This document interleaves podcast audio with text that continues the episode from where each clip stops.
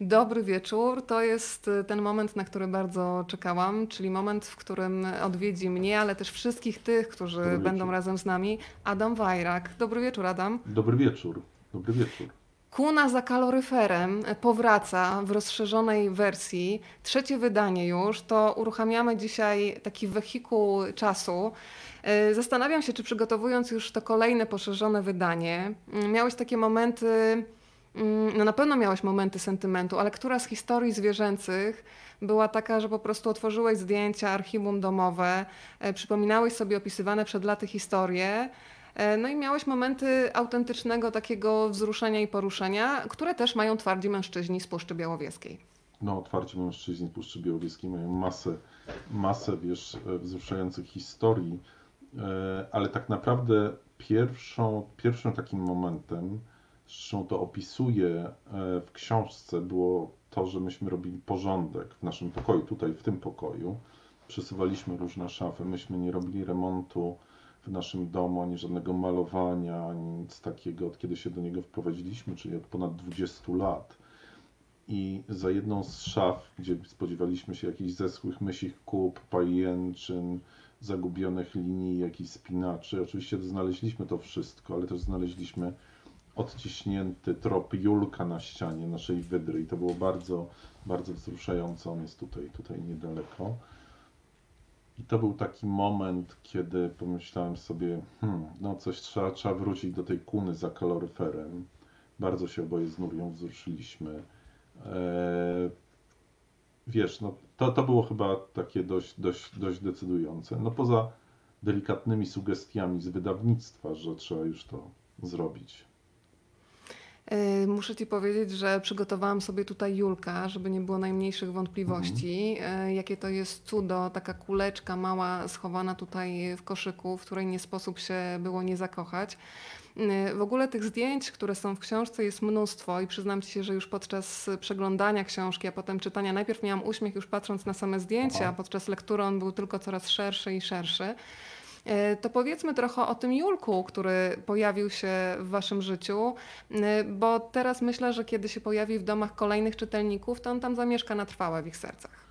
No wiesz, to było nasze kolejne, kolejne zwierzę, e, przy czym to chciałbym, żeby było bardzo jasne od początku do końca. Myśmy, myśmy nie, wiesz, ani ja, ani Nuria, nie mamy potrzeby posiadania zwierząt, żeby było jasne. To znaczy, nie chcemy być po prostu jakimś kolejnym właścicielem egzotycznego, niesamowitego zwierzęcia. E, nigdy nie chcieliśmy i jakby uważamy, że najlepsze miejsce dla zwierząt jest, jest na wolności i, i taka jest, taka jest nasza, nasza filozofia po prostu i wydaje mi się, że to jest najlepsze dla zwierząt. E, ale czasami te zwierzęta wpadają w jakieś kłopoty i czasami trzeba im po prostu pomóc. I, i tak było trochę z Julkiem. Myśmy już wtedy mieli taką sławę, to były lata, e, końcówka lat 90., początek lat 2000. Myśmy mieli taką sławę takiej pary, która się zajmuje dzikimi zwierzętami i e, radzi sobie całkiem nieźle. Wcześniej wychowywaliśmy wydry, nie wydry, tylko kuny dwie. Wydra to jest zwierzę łasicowate, więc jakby dość podobne. No i po prostu ZOO w Białymstoku się zgłosiło, które miało, miało wydrę. Nie wiem skąd tak naprawdę tą młodą, osieroconą wydrę, ale sobie wyraźnie z nią nie radzili. I ona trafiła do nas. E, I, i to był też taki moment dla nas bardzo ciężki, bo myśmy już tych zwierząt mieli za dużo. Już Nuria miała dosyć, e, ja trochę miałem dosyć. No ale jak pojechałem po tą wydrę i zobaczyłem to, to coś cudownego, małego, no to, to nie mogłem się oprzeć, a jeszcze na dodatek ja miałem takiego szefa, mojego szefa i mistrza Julka Rawicza, właśnie po nim Julek, Julek e, nosi imię, e, który bardzo mnie podjudzał w tych wszystkich historiach. Ja mówię, Julek, brać tą wydrę, on mówi, bierz, to jest cudowna historia, pan Pasek, w ogóle mm, prze, przeważne rzeczy. Jan Chryzostom, prawda? Jan Chryzostom Pasek miał wydrę robaka i, i jakby mówić, słuchaj, koniecznie ci to wszystko sfinansuję. I on rzeczywiście, Julek Rawicz, e, mój szef, wicenaczelny Gazety Wyborczej, z prywatnych pieniędzy, żeby było jasne, nie tam jakichś gazetowych, finansował tą, tą wydrę, jej różne i wybieg, i, i rybki, i, i nie wiadomo co. Więc jakby to była, wiesz, to była, to był taki, taki już środek tego wszystkiego. Zaczynaliśmy od bocianów białych, że tak naprawdę w ogóle te dzikie zwierzęta, one zawsze gdzieś tam wokół mnie były. No nie wiem, zbierałem ślimaki jako dziecko, Nuria też zbierała jakieś, miała, nie wiem, e, jedwabniki u siebie w domu, więc to jest jakby wszystko, gdzieś tam myśmy się tak wychowali.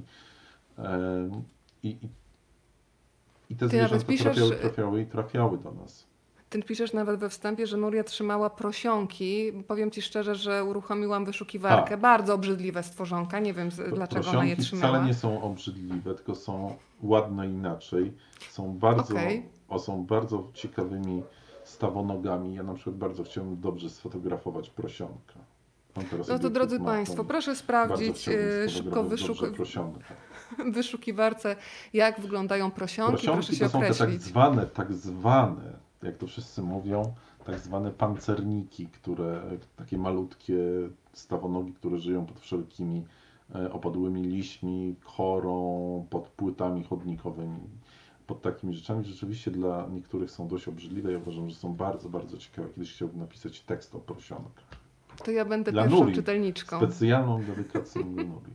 Słuchaj, ja dzisiaj specjalnie wyjęłam koszulkę W jak Wajrak, W jak Bardzo Wydra, dziękuję. W jak Wieczór z Wajrakiem. To wracamy jeszcze do I Wydry, Weronika ponieważ. Weronika też, wszystko nam Jesteś się łączy, zobacz. Dokładnie tak, zobacz. Mam kolejne zdjęcie, żeby pokazać, że obecność Julka ucieszyła nie tylko Ciebie, nie tylko Nurię, ale był jeszcze ktoś absolutnie zakochany i po prostu kiedy zobaczył, że Julek się pojawia, to został, powiedziałabym, zaadoptowany od razu.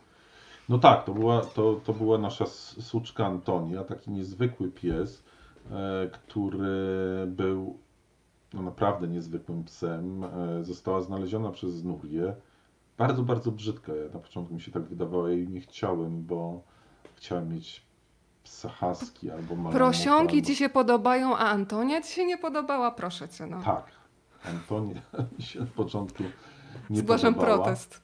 E, oczywiście nie, no Antonia okazała się piękna i mądra i w ogóle i ona, miałem z nią masę przygód, tropiliśmy, e, tropiliśmy wilki, e, ale o wilkach to może na inną, inną okazję. Natomiast kiedy zobaczyła, kiedy zobaczyła, e, kiedy zobaczyła Julka, to ona, ona miała wtedy, była po cieczce i wydawało się jej, że jest w ciąży, miała urojoną ciążę i pomyślała, że to jest jej szczeniak i bardzo się nim zajęła dobrze, wylizywała mu brzuszek, zjadała jego kupę, no w ogóle robiła to wszystko, co się robi ze szczeniakami i to chyba było ważne też bardzo do, dla wychowania Julka. Zresztą to jest metoda, którą się często, często się stosuje e, w ogrodach zoologicznych, że na przykład suki wychowują różne dziwne zwierzęta. E, Julek też był zachwycony. No, konsekwencje tego były takie, że później jak miała własne szczeniaki, to nie za bardzo jej się one podobały. Uważała, uważała je za dziwne. Zawyżył poprzeczkę Julian w takim Tak, razie. tak, bo one nie pływały, nie nurkowały i nie łowiły ryb. To ja Państwu pokażę jeszcze raz dla tych, którzy do nas teraz dołączyli. Tak Julek wyglądał, kiedy się pojawił w domu, czyli taka male, malutka kuleczka. A za chwilę pokażę Państwu już y, Julka, który naprawdę robi wrażenie. Ja dzisiaj sobie żartowałam, e, Adam, że to zdjęcie wygląda trochę jak z kolejnej części Neverending Story. E, Tutaj Julian e, w roli głównej występuje. I, I tak bym powiedziała, bo zaraz pokażę jeszcze kolejne zdjęcia, to zdjęcie nie do końca chyba w pełni oddaje to, jak to jest duże zwierzę, jak to było duże zwierzę, No prawda? Wydra, wydra to jest duże zwierzę, to jest, to jest czasami kilkanaście kilogramów e, i, Julek był wyjątkowo dużym samcem. No tutaj jest obok naszego spaniela Trapo i pieska zwariowanego misia perełki, e, hiszpańskie imię Joe, ale albo przywiezione z Hiszpanii, bo to są hiszpańskie psy Nuri. E, I tutaj jesteśmy na spacerze i jest taka góra piachu. To jest taki ważny moment, bo wydry jak się, wykąp, jak się kąpią, one muszą bardzo dbać o swoje futro, więc, więc on się tutaj wytarł w piasku, jest trochę wygląda, dlatego taki jest zapiaszczony. To jest naprawdę, naprawdę, naprawdę było, to było niesamowite, że myśmy mogli chodzić z tą całą czwórką właściwie, a właściwie z trójką, bo, bo Trapo był psem bardzo kanapowym i on tak dochodził do rzeczki i wracał do domu, wskakiwał na kanapę, kładł się i, sobie leżał. Cała, cała reszta cała reszta szła nad rzekę, nad łutownię, szliśmy, szliśmy sobie do takiego miejsca, do takiej bobrowej tamy, gdzie było do, trochę głębiej. Julek tam nurkował, próbował łapać ryby, coś mu się tam udawało. No a myśmy tam siedzieli, z, ja, Nuria. Nuria to się bawiła często z Julkiem, ale psiaki się nudziły bardzo, bo one nie potrafiły nurkować i łapać ryb.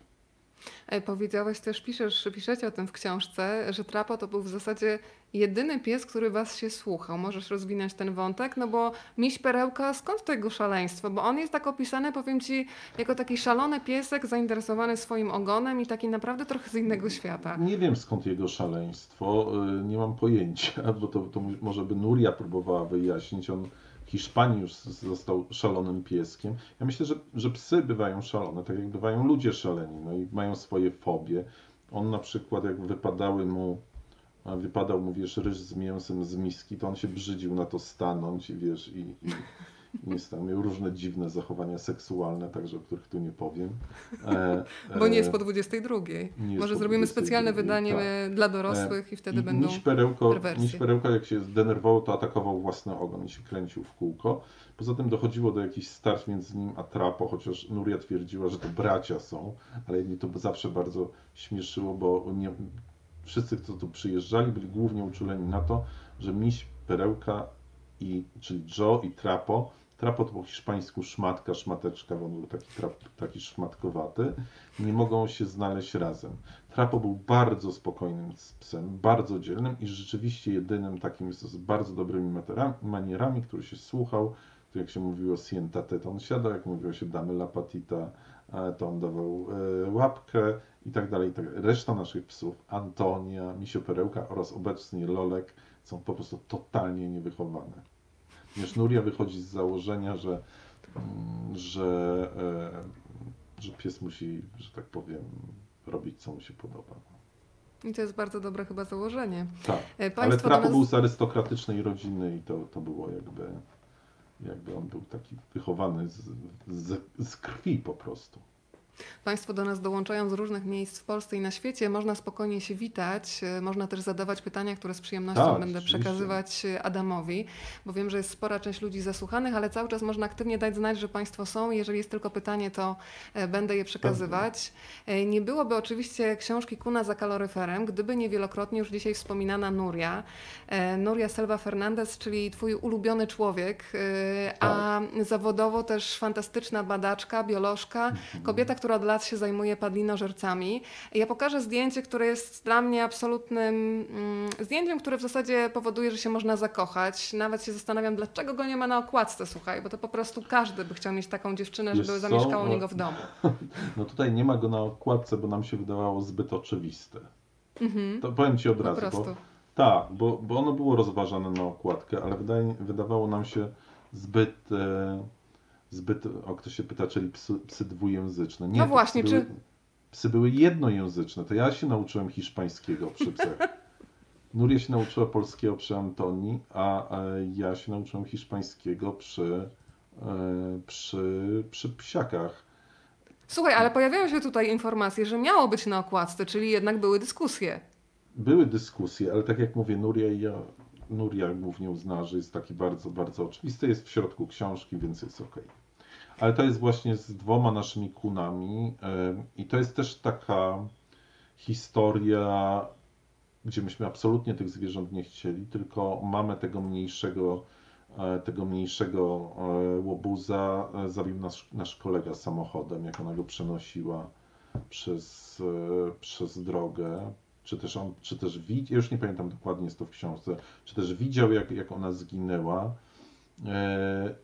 To, więc mieliśmy tego pierwszego i pomagała nam go wychować Magda Gomulińska z warszawskiego zoo. Magda teraz e, pracuje w Kalifornii, bardzo serdecznie ją poz- pozdrawiam. E, I wiesz, i e, Magda nam go pomagała wychować na odległość. Później był taki moment, kiedy musieliśmy jechać na jakąś konferencję biologiczną do Finlandii. Nuria miała tam swój wykład o padlinie i zostawiliśmy Magdzie tego, tego, tego naszego, e, naszego małego Momo e, na prze, przechowanie. No ale jak wróciliśmy już, to Magda mówi, słuchajcie, albo bierzecie jedną, albo bierzecie dwie kuny, albo żadnej, bo ja mam w tej chwili, one się bardzo, bardzo zaprzyjaźniły I, i, i wzięliśmy dwie. No one się okazały bardzo różne w charakterach. Momo był taki, taki bardziej spolegliwy. Książka ma dużo ilustracji, tak. Ktoś tu się pyta, czy książkę ma Tak, pan? Marek Ma- pyta. I jeszcze prośba, Adam, do ciebie, czy mógłbyś troszkę się przybliżyć, żeby było troszeczkę Tak, głośniej, bo... Oczywiście, O, dobrze. to taka jest prośba, O. tylko mała. Bardzo Dobrze. dziękuję. Mhm. Państwo się do nas przyłączają, już Państwo mówią, że są cudowne opowieści, one się dopiero zaczynają. To kolejne zdjęcie, które po prostu rozkłada na łopatki swoją czułością. E, czyli znowu Nuria z tym maleństwem. Powiedz w ogóle, jak No wygląda to jest, to, opieka jest, to, nad... to jest mały Momo. Tak, No wiesz, op- opieka, opieka jest bardzo, bardzo trudna. Jeszcze wiesz, jeszcze w tamtych czasach, e, czyli w latach, latach 90., e, no to, to po prostu wiesz, no nie było. Po pierwsze, było bardzo mało wiedzy poza ogrodami zoologicznymi, to tylko niektórymi, jak wychowywać takie małe zwierzęta. Po drugie, e, nie było, nie było środków odpowiednich. Teraz jest bardzo dużo szt- sztucznych zamienników mleka dla zwierząt dzikich, a musimy wiedzieć, że mleko, mleko krowie po prostu kompletnie się nie nadaje do, do karmienia takich maluszków. E, Tego wszystkiego nie było, więc było to bardzo, bardzo trudne. Trzeba było coś kompilować z mleka dla niemowląt. To, to mleko było na receptę. E, Bardzo trudno było to dostać. Więc Ty to tam nawet chyba trudne. pierwszy raz się zacząłeś nawet powoływać w pewnym momencie, kiedy byłeś zdesperowany na siłę pracy i Tak, nawet na si- legitymacja na si- dziennikarska na nie pomogła w pracy, aptece. Tak, tak, tak, nie pomogła. No druga rzecz, że takie małe zwierzę wymaga bardzo, bardzo dużo opieki, em, takiego poświęcenia, no to jest właściwie jak dziecko, stałego sprawdzania stanu zdrowia. E, Później, co jest strasznie obrzydliwe, taka kuna powinna jeść tatara z myszy, tak, które tą mysz trzeba posiekać i ona to trzeba na początku ją przymuszać, żeby to, to zjadła. Mm, Później ją trzeba nauczyć polować, jeżeli chcemy ją wypuścić na wolność. Więc to są naprawdę praca z dzikimi zwierzętami jest bardzo, bardzo ciężka. Dlatego ja bardzo podziwiam ludzi, którzy w tej chwili to robią i robią to bardzo profesjonalnie w ośrodkach re- rehabilitacji zwierząt. Pojawiło się pytanie, czy da się wyszkolić kunę? Pytanie, co się kryje za hasłem wyszkolić? Nie wiem, nauczyć e, czegokolwiek, co by było bardziej ludzkie? Nie wiem. Nie wiem, to znaczy ja jestem w ogóle przeciwnikiem szkolenia dzikich zwierząt. Znaczy uważam, że, mm, że to jest, to jest po pierwsze, często to się wiąże z łamaniem charakteru tych zwierząt. Te zwierzęta to nie są zwierzęta udomowione. My musimy o tym pamiętać. My czasami widzimy ludzi z dzikimi zwierzętami, które, którzy się przechadzają na smyczy. No przecież słynna sprawa kuny, y, pu- pumy ostatnio, Pumy, prawda? tak? Em, No ale to są zwierzęta, które mają w jakiś sposób złamia, złamany charakter, albo są wcześniej odebrane matką, albo są po prostu tresowane. E, Nie, nie należy tego robić. E, Znaczy, naszym głównym celem było, żeby te zwierzęta, jeżeli mogą, żeby wróciły na wolność. Zawsze sensem takiej pracy z dzikimi zwierzętami, według mnie, jest, jakby one znajdują się w jakichś kłopotach z jakichś powodów bardzo często przez nas ludzi. Ja uważam, że wtedy trzeba interweniować i wtedy trzeba po prostu dać im drugą szansę. To jest, to jest po prostu dawanie drugiej szansy. E, inne rzeczy z nimi trzeba robić, trzeba zadbać o ich zdrowie, o ich, em, o, o ich kondycję fizyczną i jakoś psychiczną i jakoś przystosować je do życia, do życia w naturze. Te zwierzęta uczą się bardzo dużo od matek i wydry, i podejrzewam, że kuny też. E, I, I my musimy w jakiś sposób te matki zastąpić, tak? I to, to nie jest naprawdę łatwe. Pojawiają się pytania. Pani Ula pisze, że czytała Kunę wiele lat temu, ostatnio przeczytała drugi raz, kocha tę książkę i kocham Państwa podejście do zwierząt. Panie Adamie, czy pamięta Pan stary żółty domek na skraju Puszczy Augustowskiej? To było u mojej mamy. To pytanie, Adam, do Ciebie. My nie wiemy, jaki domek Tak, ale to, czy, to było, czy, to y, czy to było związane z rozpudą? Bo to był jedyny. jedyny Pani Ulu, z- czekamy na Pani odpowiedź. Tak, bo to jeżeli, jeżeli tak, to chyba pamiętam. To teraz muszę Państwu pokazać e, wcielenie Adama e, z przeszłości. Żartowaliśmy sobie, że to jest Adam Wajrak e, z powstania niemal. Dadam, dadam. Adam, ile Ty masz lat na tym zdjęciu? No na tym zdjęciu mam, e, niech policzę, to jest 88 rok, więc mam 16 lat. E, a może 87 i mam 15. nie, 87, przepraszam, mam 15 lat. E, I e, to jest zdjęcie na moim balkonie. Tu jest taka wrona kra oswojona. Ja mam na sobie taki klasyczny ubiór, o którym każdy młody chłopak wtedy marzył, czyli wojskowe moro. No i rzeczywiście to są trochę takie czasy kombatanckie, bo to jest na podwórku na Żoliborzu. E, obok mieszkał Jacek Kuroń, dwie klatki dalej. Zresztą Jacek opisuje tą wronę w swojej książce tylko ta wrona mu się pomyliła z kawką i pisze tam, że to kawka, ale no Jacek Kuron nie musiał się znać na ptakach. No i e, tak, to była walka o rozpudę. To pamiętam oczywiście ten domek. E, obok jest też kościół, gdzie, gdzie leży ksiądz Popiełuszko, gdzie były demonstracje, gdzie były e, wielkie walki z ZOMO i takie rzeczy. I ta wrona się po tym wszystkim przechadzała, tak? Ty nawet popisałaś, że ona była miłośniczką mszy za ojczyznę. Tak, ona była miłośniczką mszy za ojczyznę, ponieważ się wtedy bardzo dużo działo. Tak, z jednej strony był ten kolorowy tłum Solidarności, śpiewający pieśń i tak dalej, a z drugiej strony to dziwne ZOMO z pałami pancernymi, takimi pojazdami do polewania ludzi wodą, czasami, e, no, no więc to, tam się od razu zaczynało się kotłować i jej się to bardzo, ale to bardzo podobało. Kiedyś przyjechał wiceprezydent Bush, który później został prezydentem i ona sobie z nim poszła gdzieś tam do, do klęcznika przy, e, przy księdzu Popiełuszce. No odwiedzała też Jacka Kuronia, więc to była bardzo zaangażowana, bardzo zaangażowana politycznie Wrona. Zresztą e, jak ktoś pamięta ten, e, pamięta ten kontekst, prawda, czym była Wrona w latach 80., tak. no to Wrona to była Wojskowa Rada, Wojskowa Ocalenia, Rada Ocalenia, Ocalenia Narodowego. Narodowego, czyli to ciało przy generale Jaruzelskim, które które zarządzało, że tak powiem, stanem wojennym. Więc to była taka opozycyjna, opozycyjna wrona. Przez nią, co pisze w książce, e, mój kolega Tomasz Kłosowski miał masę kłopotów, bo ja byłem w takim klubie ptakolubów Świata Młodych. Świat Młodych to była taka gazeta dla młodzieży.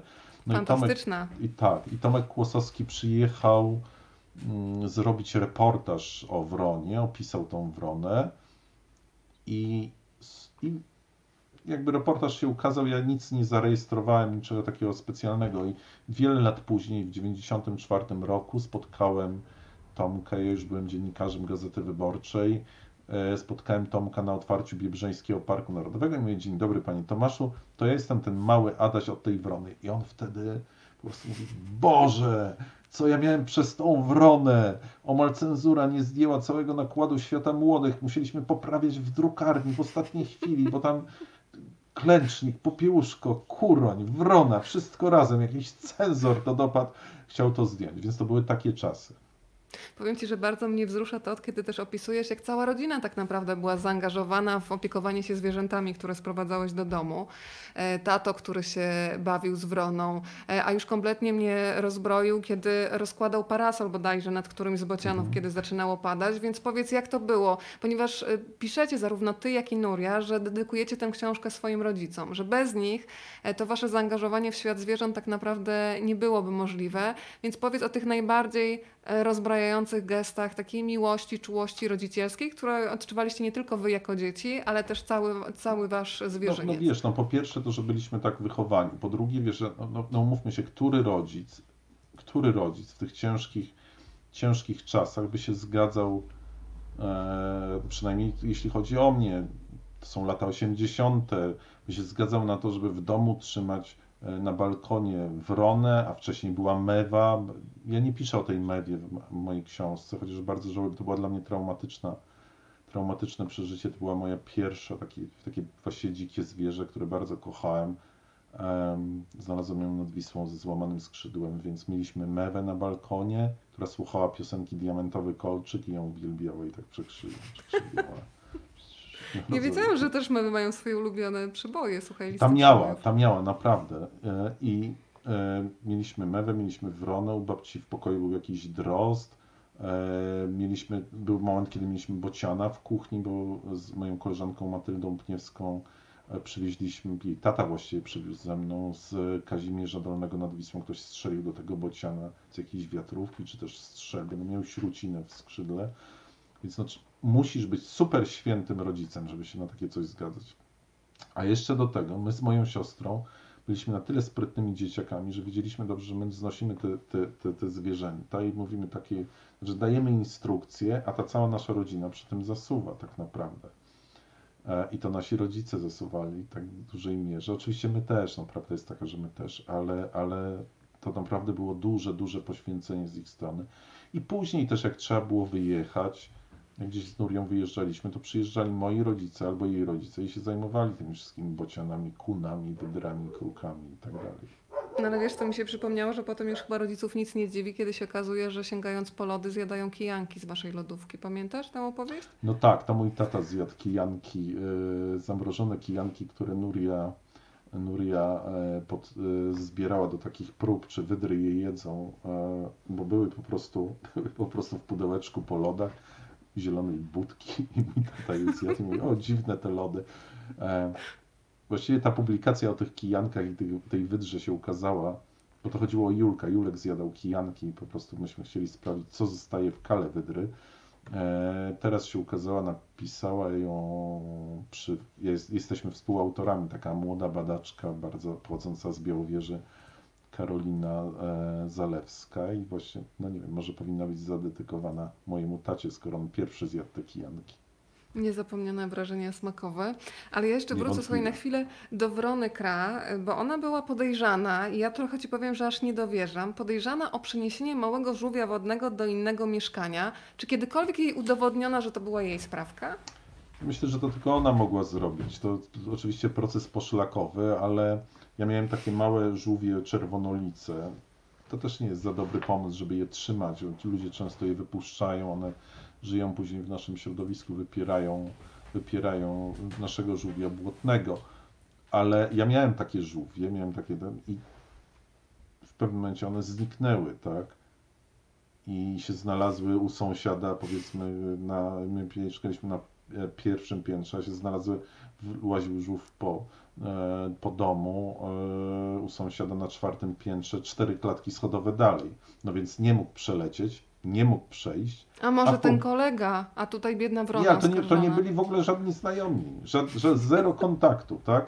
I raptem po prostu, ja myślę, że to nasza wrona kra, bo wrony uwielbiają, uwielbiają zbierać różne rzeczy, wszystkie kurkowate, zbierać i chować gdzieś. I ona po prostu wzięła tego żółwia, pomyślała, że sobie go zje później, poleciała do sąsiadów, włożyła im gdzieś tam schowała. Na przykład ona bardzo często w butach chowała różne rzeczy, więc nie zdziwię się, że ci ludzie znaleźli tego żółwia gdzieś tam w bucie u siebie.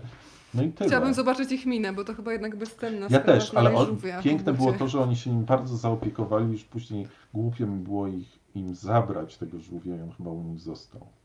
Renata Kime z Newsweeka właśnie napisała, o, że zdążyła. Dobry, Witamy Cię Renata. To zdążysz akurat na wątek e, tego, jak, że do wydry warto mówić grzecznie. A Ty podobno, Adam, miałeś, przyznajesz się do tego problemy z tym, żeby e, się ładnie do niej zwracać. W ogóle rozbroiło mnie wyznanie, kiedy jest taki moment, kiedy Nuria musi wyjechać i Ty masz zostać sam z Julkiem. Mhm i dostajesz taką instrukcję, że masz, e, że on no, trochę ciebie też słucha, więc żebyś nie był tak przerażony. Nie, on, on mnie w ogóle nie słuchał. W ogóle. On mnie to, w ogóle nie słuchał.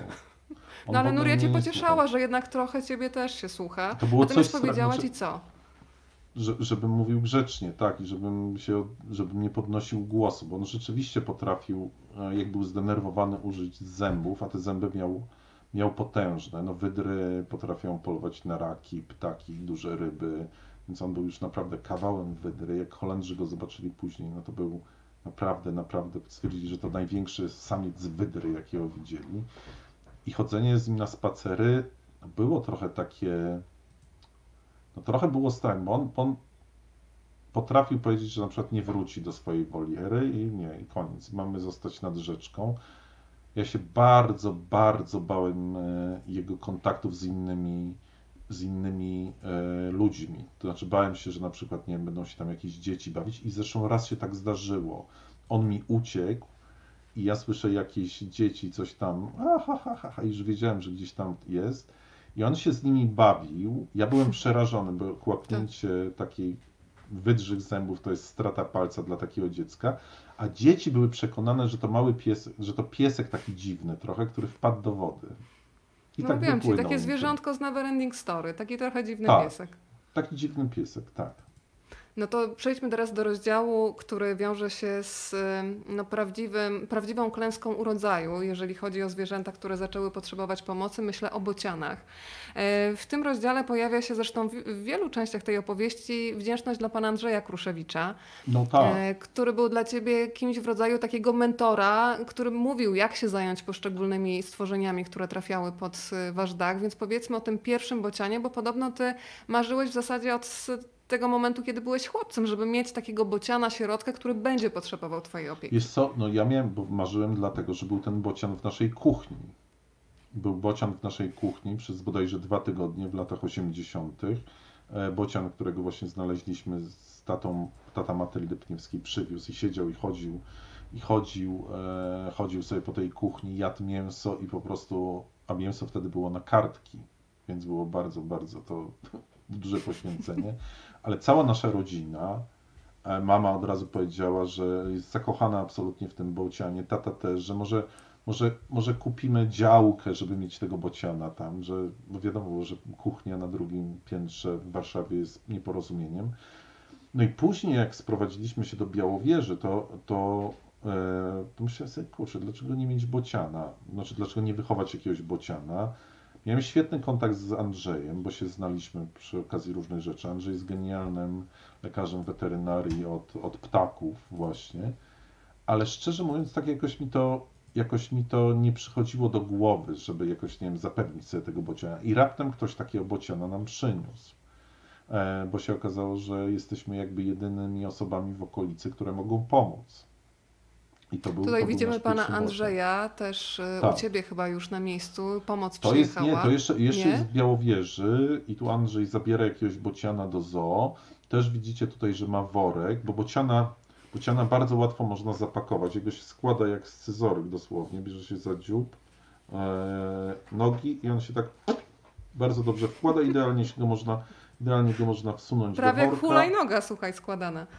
Coś w tym stylu. Wkłada się go do worka to jest o tyle dobre, że on wtedy, jak jest zamknięty w tym worku lub pudełku, to może być pudełku, on, on się nie uszkodzi. Nie ma szansy się połamać, bo nie ma szansy się ruszyć. E, też e, zwróćcie uwagę, jak Andrzej trzyma bociana. Możemy Już pokazuję jeszcze raz, To jest oczywiście. też bardzo ważne. A nie, on tu trochę niefachowo trzyma tego bociana, ale zwykle trzeba go trzymać za dziób. Dziób jest taką bocianią bronią i, i można dostać... To słuchaj, to mamy tutaj odpowiednie zdjęcie instruktażowe już, prawda? Tak. O, ja tu właśnie z Nurią trzymam fachowo bociana. Bociana tak trzeba trzymać za dziób z tego powodu, gdybyście kiedykolwiek, tak jak mówię, musieli pomóc jakiemuś choremu bocianowi, to łapiecie za skrzydła i za dziób. To ja zacytuję fragment z książki Kuna za kaloryferem, mm, kiedy wspominasz swojego pierwszego bociana, tego z kuchni warszawskiego mieszkania swoich rodziców i to, jak wiozłeś go maluchem razem z ojcem koleżanki z klasy z Mięćmierza pod Kazimierzem Dolnym, gdzie został znaleziony. E, to jest ta historia, kiedy mm, wsadzacie właśnie bociana do worka, natomiast jest przygoda związana z milicją. Koło Garwolina tak. zatrzymała nas milicja. Twardzi funkcjonariusze chcieli nam wlepić mandat za to, że niezbyt dobrze działały nam światła, ale kiedy zobaczyli naszą przekupkę, Wzruszyli się strasznie i zamiast kary naprawili światła sami, używając do tego monety dwuzłotowej, którą wypchnęli gdzieś między kable. Bocian przez całą drogę zachowywał się spokojnie, zresztą miałem nad nim pełną kontrolę, bo trzymałem go na kolanach. No ale to jest y, wstęp do kolejnej historii, bo miałeś do przewiezienia, w, y, przesuwamy się cały czas na tej osi czasu, kolejne trzy bociany i tego sobie już nie wyobrażałeś. I tutaj pojawia się w tej opowieści, nawet pisałam dzisiaj do Jacka, Jacek Marczewski, czyli fotoreporter mhm. Gazety Wyborczej, którego poprosiłeś o pomoc. Jak ta misja przewiezienia trzech bocianów wyglądała? Znaczy, wiesz, no to akurat, bo ponieważ wiedzieliśmy, jak pakować bociany i tak dalej, więc one bardzo, bardzo, bardzo okej. Okay. Najgorszym, najgorszym zwierzakiem, e, którego najtrudniej się przewodziło, moim, bo ja jakby jak miałem te zwierzęta, to wciskałem różnym moim znajomym, żeby zawieźli do, do Warszawy, bociany, to, tamto, wam to, różne rzeczy. Ale najgorsze, Najgorszy był taki dzięcioł duży, który u mnie jakoś się zachowywał dobrze, ale dzięcioły duże mają bardzo mocne dzioby. Bardzo, bardzo mocne. On, to są te, te dzięcioły, które rozkuwają tynki na domach. I moi znajomi go, ja go zapakowałem klasycznie, czyli kartonowe pudełeczko i tam dzięcioł, myślałem ciemno, spoko. I słuchaj, on się w drodze, oni mieli jeszcze jakiegoś psa takiego dość nerwowego, ten dzięcioł się wykuł z tego pudełka i zaczął latać po samochodzie, atakować tego psa. Pies szczekał, oni biedni, więc to było najgorsze, najgorsze przeżycie transportowe ze zwierzętami. Zresztą Andrzej mi później napisał, że ten dzięcioł się wykuwał ze wszystkich klatek, otwierał je i tłukł wszystkie ptaki w okolicy. Znaczy Powie- jego azylu. Wspomniałeś psa, który jeszcze gdzieś tam był w tej opowieści w samochodzie, no to też y, mm, uspokoiłeś chyba wszystkich tych, którzy kiedyś mieliby taką sytuację, że mają i bociana i psa, żeby nie obawiać się o bociana, tylko raczej zabezpieczyć psa, bo każdy Tak, bocian tak. ma sobie podporządkować psa. Dlaczego? Bocian, no bocian jest, bocian przede wszystkim jest super sprawnym myśliwym. On jest taką niezwykłą maszyną do zabijania, potrafi polować na bardzo różne rzeczy, bo ten, dzio- ten dziób to jest jak, jak broń. On tym, on tym po prostu uderza jak włócznią. Do tego, do tego czasami rozpościera skrzydła, jak się broni. Klekocze strasznie, więc każdy pies, który dostanie takim dziobem, od razu, od razu nabiera respektu. I to może być nawet bardzo młody, czasami osłabiony bocian. Dlatego ta moja uwaga, że jak łapiecie bociana, to zaczynajcie od dzioba. Ale, ale psy nie, nie mają szans z bocianami. Tak samo lisy. Chyba, że jest ciemno. Jeżeli jest ciemno, to wtedy bocian nie ma jak się bronić. On nie widzi wtedy. Powiem Ci, że jestem pod dużym wrażeniem Waszej pomysłowości, bo czasami trzeba w sobie uruchomić takiego pomysłowego Dobromira, żeby móc pomóc bocianami. Tutaj nam się pojawia kuternoga, którego Państwo poznają w książce Kuna za kaloryferem. E, Jak wyglądało montowanie w ogóle takiej protezy? Na co musieliście e, zwrócić uwagę? I tutaj chyba ukłon w stronę Nuri, bo to ona chyba była pomysłodawczynią tego wynalazku. No tak, to była taka proteza. To znaczy, ta historia e, kuternogi, zanim opowiem o jakichś technicznych rzeczach, bo one, one gdzieś tam były dość skomplikowane, może nie są tak ważne. No myśmy musieli mu tą ranę przemywać, bo to była cały czas tam się robiła rana. To było zrobione z pu- pudełeczka po, z pudełeczka po e, glukozie, takiego plastikowego. Natomiast no, to chciałbym, chciałbym, żeby to zdjęcie było ostrzeżeniem dla wszystkich, to znaczy to jest efekt i to taki najmniej drastyczny działania sznurka od snopowiązałki, który często jest zostawiany na polach. E, Nam się wydaje, że ten sznurek to jest jakiś po prostu nic niegroźnego, a to jest coś, co obcina młodym ptakom, najczęściej właśnie bocianom, stopy w gniazdach. Czasami całe nogi. One po prostu, stare bociany myślą, że, że to jest e, kawałek jakiegoś miękkiego materiału, no bo tak wygląda, przynoszą to do gniazda, to się zahacza o jakąś gałązkę i młody bocian się kręcąc w kółko za pokarmem, owija sobie to wokół, wokół nóg i to po prostu przerywa dopływ krwi, obcina, obcina nogę. Ta historia z kuternogą była też dla mnie taką nauczką, bo powiem Ci tak, że gdybym ja wiedział więcej o, o, t- o leczeniu ptaków, o ich możliwościach, to ja bym go nie męczył. Ja bym go po prostu uśpił. Em, bo, bo myśmy go po prostu męczyli. Taka jest też poniekąd prawda. Myśmy przedłużyli to jego życie, ale to jego życie wyglądało tak, że był łapany, to był dla niego jakiś stres. On się później oczywiście przyzwyczaił, e, no ale później musiał go, musiał go uśpić Andrzej. On po prostu bardzo utył, zaczął przeważać, zaczął przenosić ciężar na drugą nogę i ją, i ją łamać. I bardzo często takim, takim zwierzakom, którym właśnie, powiem, że najczęściej takim bocianom, które są ofiarą zwykłego sznurka, po prostu nie można pomóc. Tak, tutaj Andrzej ogląda, ogląda kuternogę po przyjeździe, po przyjeździe do, do warszawskiego zoo. Wspominałam dzisiaj też e, Jacka Marczewskiego, czyli fotoreportera Gazety Wyborczej, który podobno też bardzo się zaangażował i rozmawiał z tymi bocianami po drodze. Jak mijaliście boczki, to mówił boczki, jesteście w boczkach. Tak. I cały czas taki uspokajający ton w trakcie tego przewozu też był Tak, istotny. Jacek, Jacek, Jacek po prostu, zresztą wszyscy, różni moi koledzy, wiesz, brali udział w tych akcjach. Jacek, Jurek Gumowski, Agnieszka Bomber przyjeżdżała, wiesz, bo to, to cała ta gazeta była Mhm. jedna zaangażowana w tych, w tych, naszych, w tych naszych operacjach i bardzo, bardzo nam pomagali. Wiesz, Andrzej przyjeżdżał, zabierał, przywoził. Andrzej też czasami przywoził nam zwierzęta do wypuszczenia.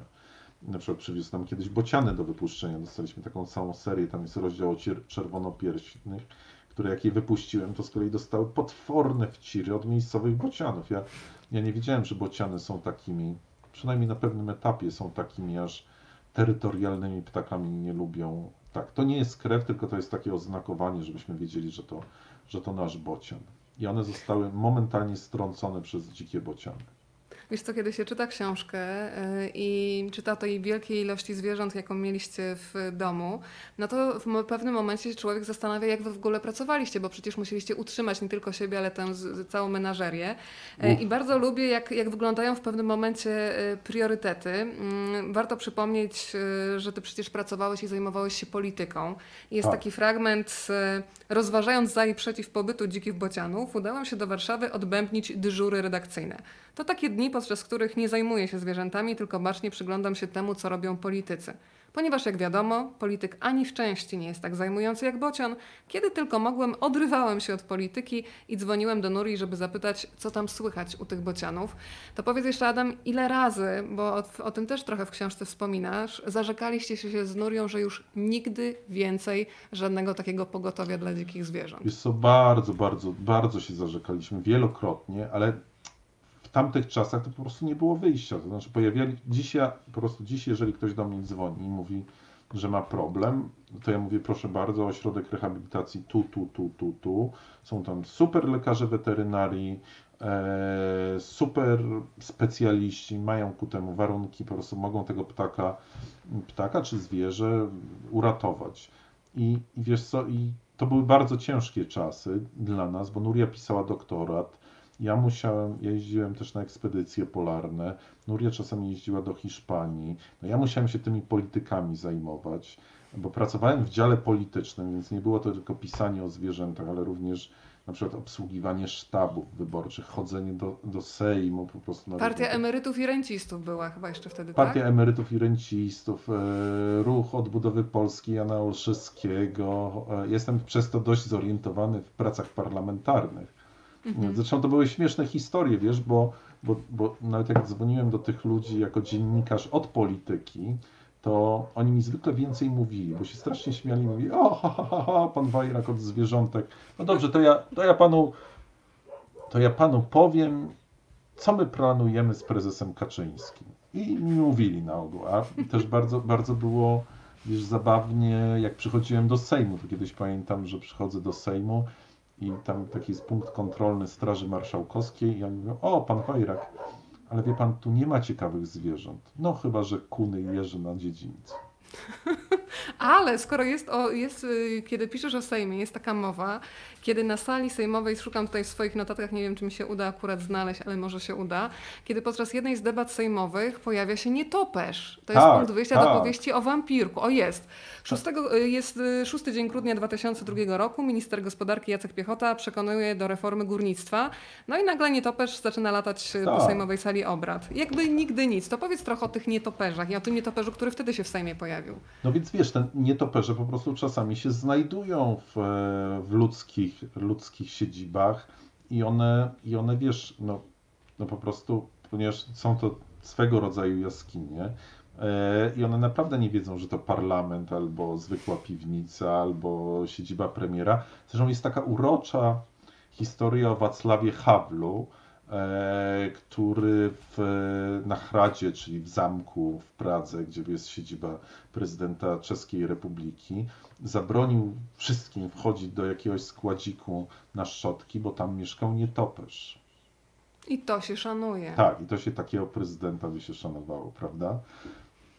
No właśnie. No i westchnęliśmy sobie głęboko. E, ale wiesz, no one czasami się pojawiają, czasami z jakichś przyczyn, lecą za jakimś owadem, wlatują. Czasami, czasami wiesz, to jest najczęstsza chyba historia, kiedy gwałtownie robi się ciepło i one zmieniają miejsca zimowania i wtedy wlatują do jakichś, do jakichś takich miejsc.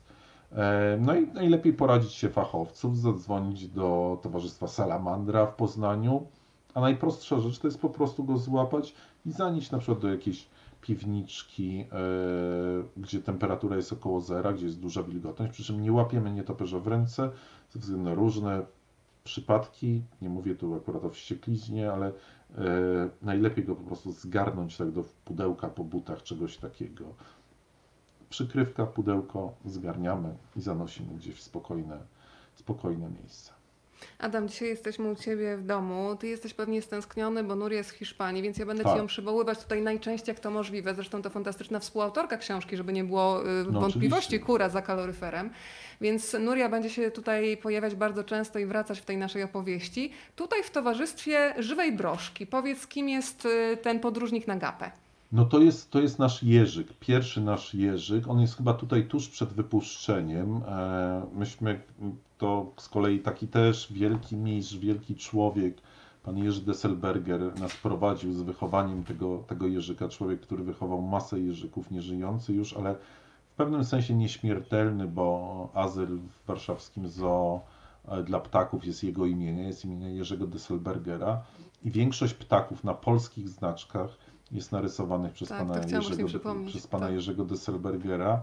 E, I tutaj jest jeden z Jerzyków, którego on telefonicznie właśnie wychował e, przed, przed wypuszczeniem. Nuria się z nim żegna, na niego mówiliśmy grubasek, gordito, bo on właściwie, właściwie on tylko jadł, spał i rósł. A później Ale- z kolei następny Jerzy był super, bo był gadatliwy i szukał kontaktu.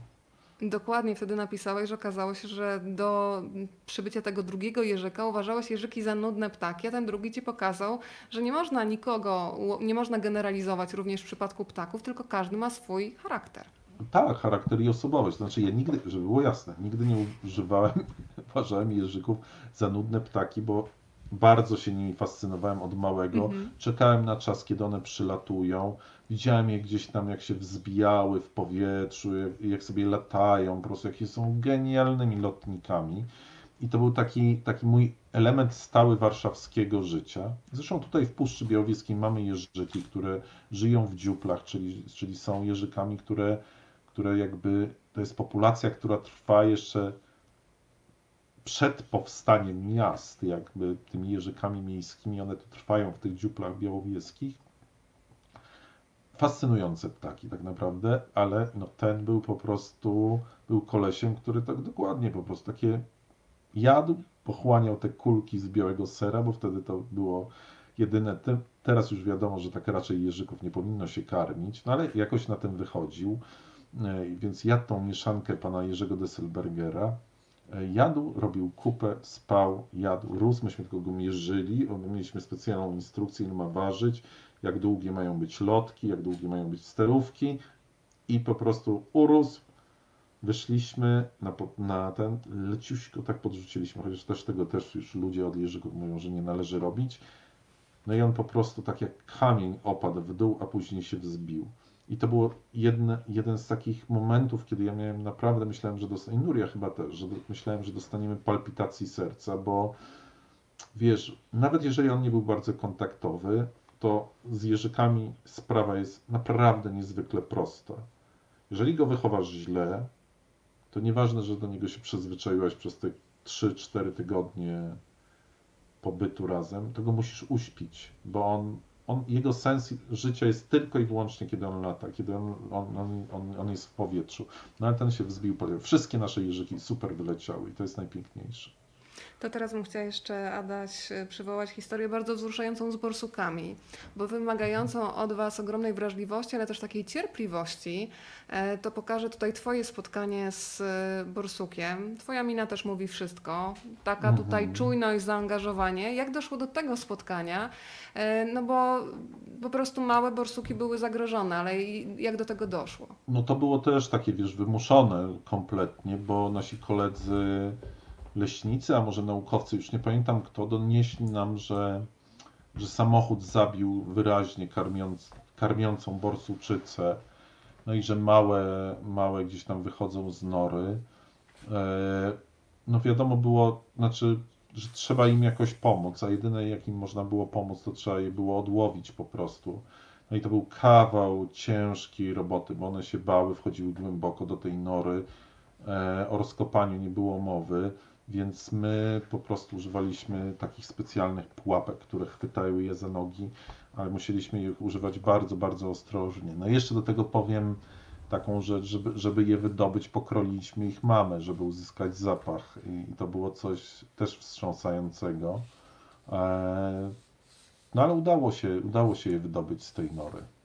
Ale powiedz w ogóle o tych norach, bo dla mnie to było zaskakujące, że je- gdybyśmy mówili, odnosili to do takiej ludzkiej architektury, że te konstrukcje podziemne potrafią być naprawdę imponującej długości olbrzymie, i, tak. i wielkości. One, one są olbrzymie, czasami wielo, wielopoziomowe, zajmowane przez pokolenia borsuków, ale powiem Ci jedną rzecz, z tego, tego nie ma w książce, więc może to będzie Mhm. jakaś nowość dla Państwa. Ja e, niedawno kręciłem taki program o borsukach dla jednej ze stacji telewizyjnych. Mam nadzieję, że nam się ta współpraca uda i ten program będzie. Ale ja byłem przyzwyczajony, że one zawsze są w tej norze. Mhm. One zawsze są w tej dużej, dużej norze i że w ogóle, ha, tam siedzą po prostu cały czas. I raptem się okazało, że one mają te pałace, te wielkie nory, ale też mają nory letniskowe, do których jak coś im nie za bardzo pasuje, to się przenoszą 200, 300, 400 metrów, 400 metrów dalej. I tak było teraz. Mam bardzo piękne filmy z małymi borsuczkami, jak się, jak się, e, jak się bawią. Czy kalendarz ukazuje się w grudniu? No myślę, że tak. E, Pani Agnieszka, słuchaj, już Adaś, Państwo się dopytują o kalendarz na przyszły rok. Tak, E, no Czy myślę, kalendarz się ukazuje ukaże, się w tak. grudniu? Nie wiem, No, czy to w grudniu, czy w listopadzie, nie wiem, ale myślę, że się ukaże. E, Jest taki fragment w Kunie za kaloryferem, kiedy piszesz e, w zasadzie po co się ratuje dzikie zwierzęta, co jest największym szczęściem, kiedy, mm, kiedy dochodzi do tego spotkania człowieka z dzikim zwierzęciem. To jest właśnie to coś, co daje sens i prawdziwą radość w ratowaniu dzikich zwierząt, danie im drugiej szansy. Sobie za to można po raz kolejny przypomnieć, że większość z nich będzie się lepiej czuła w naturze niż nie wiadomo w jak komfortowej niewoli. Widać to doskonale, gdy się te zwierzęta wypuszcza. Mogą wyglądać na bardzo szczęśliwe w naszych wolierach lub terariach, mogą im niebywale smakować podawane przez nas smakołyki, ale gdy tylko znajdą się w swoim naturalnym środowisku, wstępuje w nie to coś. Zaczynają się zupełnie inaczej ruszać, dostają nagłego przypływu radosnej energii i nieważne, czy to jest jeżyk albo bocian, który wzbija się w powietrze, czy wydra, która po tym, jak pluskała się w wannie, wchodzi pierwszy raz do prawdziwej rzeki, zawsze na początku jest zawahanie, a później wielkie szczęście. To gdybyś teraz sobie uruchomił pierwszą taką klatkę szczęścia, stop klatkę, która ci przychodzi do głowy, to który z tych powrotów na wolność był dla ciebie najbardziej wzruszający i też poruszający, no bo tracisz kogoś, do kogo się przywiązałeś, ale się cieszysz jego szczęściem. Wiesz, myślę, że Jerzyk. Jerzyk to było, O. to było coś cudownego. Tak, ten jego lot, bo, bo tak jak mówię, takie, bo to jest takie bardzo, wiesz, bardzo zero-jedynkowe. Na przykład powrót na wolność, e, pierwsze loty bocianów, czy pierwsze loty mm, jakichś, no to okej, one mogą być nieporadne, może się coś nie udać, e, pier, wiesz, to może być, no umówmy się, Sowa, która nie lata, może żyć. Bocian, który nie lata, może żyć. E, ale jeży, który nie lata, nie będzie żył. Mówimy więc... o tym jeżyku, żeby ktoś Tak, sobie nie wyobraził tego z kolcami, prawda? Tak, więc jakby to jest, to było takie zawsze, wiesz, drżenie serca i one rzeczywiście, wiesz, wszystkie te zwierzaki cieszą się bardzo wolnością i ja myślę, że dla tych zwierząt naprawdę, to znaczy nie nauczyła ta, ta praca z dzikimi zwierzętami, ale nie tylko z tymi, które mieliśmy w domu, ale również z tymi, które obserwuję, że, że dla nich ta wolność jest super ważna, że, że to przebywanie w ich środowisku to jest naprawdę coś ważnego, że my możemy próbować dawać drugą szansę, ale też nie możemy dzikim zwierzętom odbierać prawa do cierpienia, do ich śmierci. Wydaje mi się, że czasami ratowanie za wszelką cenę e, no dla mnie jest dyskusyjne, tak? Ja ci dam prosty przykład, jak na przykład ja rozumiem, że, że nie wiem, ratujemy sarny potrącone przez samochód, cierpiące jelenie z wielkim wysiłkiem, robią to różne ośrodki, ale szczerze mówiąc, ja o tym myślę z pewnym takim. Myślę, że to nie jest do końca ok.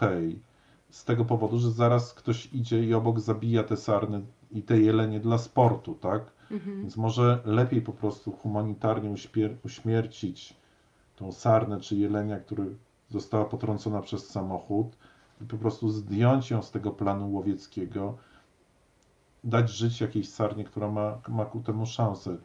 Czasami też młode zwierzęta, no wśród młodych zwierząt śmiertelność jest bardzo duża, więc jakby nie musimy ich wszystkich ratować. To, to jest naturalne i, i tu musimy myśleć o tym trochę, trochę w ten sposób, żeby się też nie wtryniać ze wszystkim z naszymi ludzkimi pomocami, interwencjami.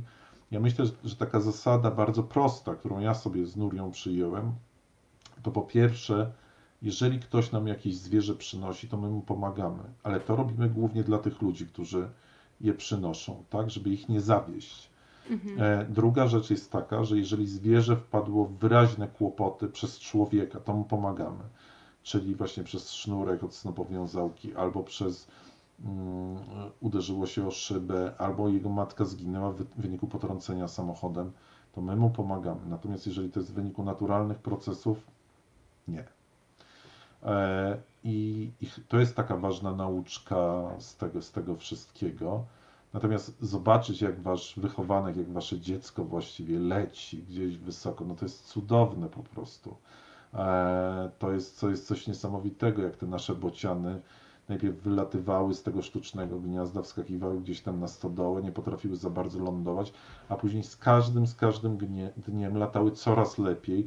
I naprawdę uwierzcie mi, że takie uczucie, gdzie tam się idzie z tym pokarmem, jakąś rybą w kubełku do tego sztucznego gniazda i widzi się to jest wielki ptak ten bocian, widzi się tego bociana nadlatującego, wielkiego po prostu, który leci na was z tymi skrzydłami, z tym dziobem jak, jak po prostu dzida, leci, leci, leci, leci i on jest po prostu tuż, tuż z jakąś olbrzymią prędkością i raptem wyhamowuje po prostu za pomocą tych, tych wielkich skrzydeł, no to jest, to jest niesamowite uczucie.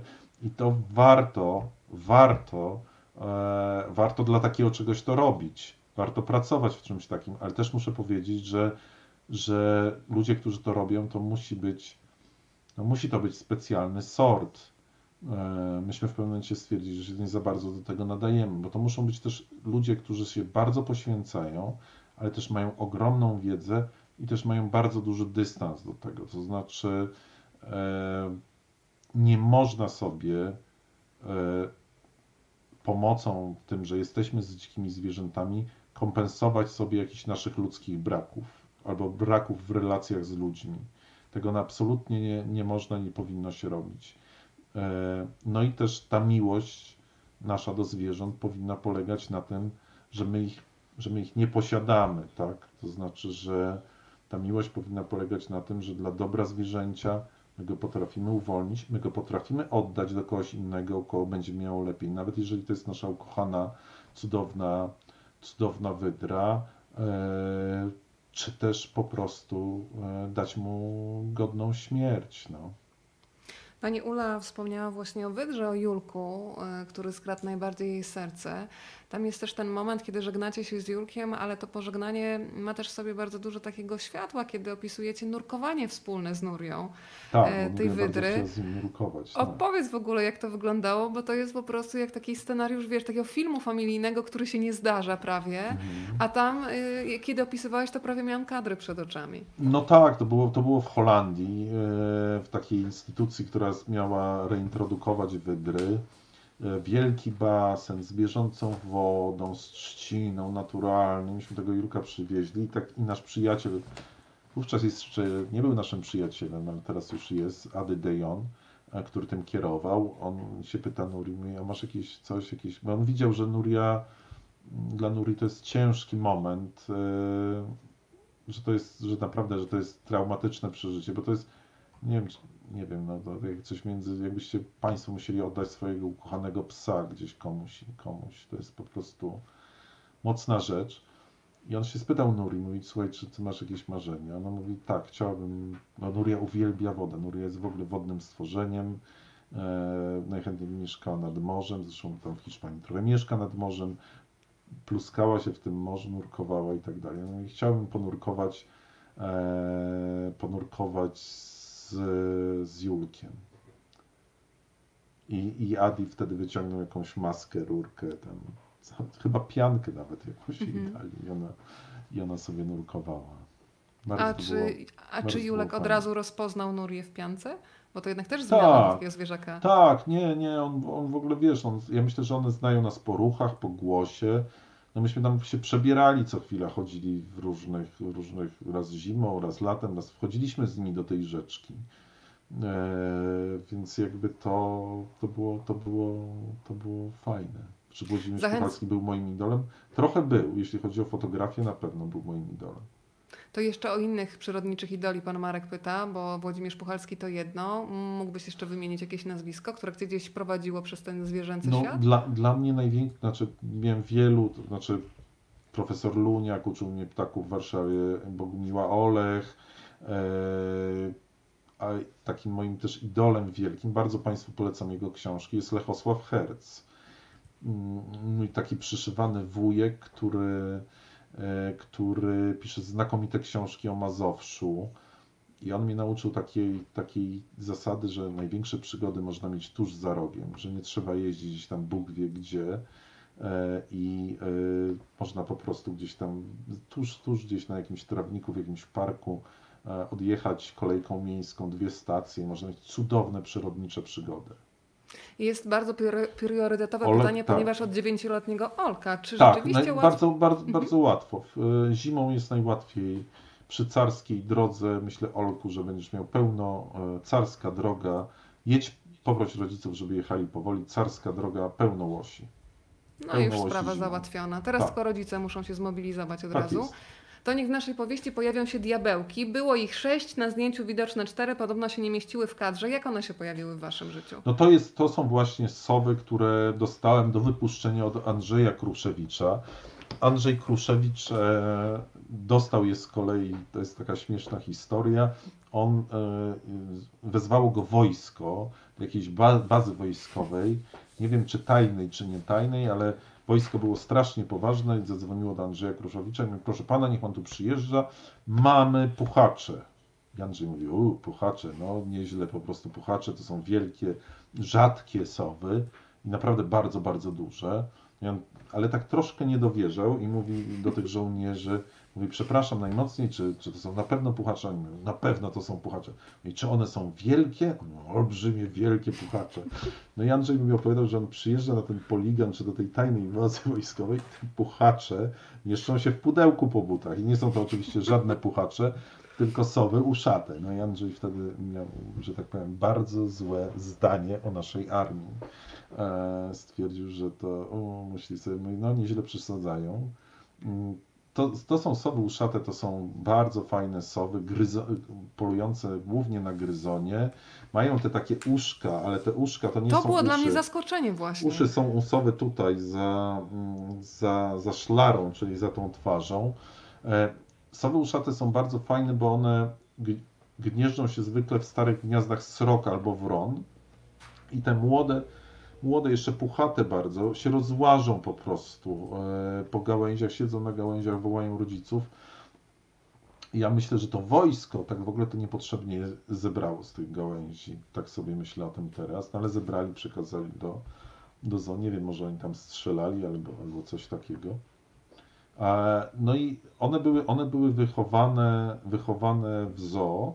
E, Wtedy zoo nie miało jeszcze, zaczynało tą swoją przygodę ptasią, taką, taką naprawdę solidną. I e, niesamowite było to, że, że tam jedna, że one były, one były takie, że e, były karmione w dzień. Bo pracownicy zoo przychodzili w dzień. A więc by, były to sowy kompletnie przestawione na porę dzienną, co było niewłaściwe, bo sowa, sowa uszata jest taka zmierzchowa co najmniej, bo ona nie jest, nie jest dzienna, tak jak na przykład suweczka.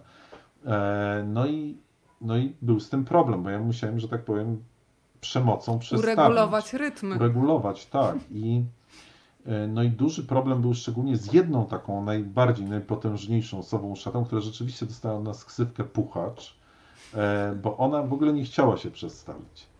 A na dodatek, jakby tego było mało, miała sojuszników w panach fachowcach remontujących nasz dom wówczas. Oni remontowali ten dom, a ona latała jak i, i, i.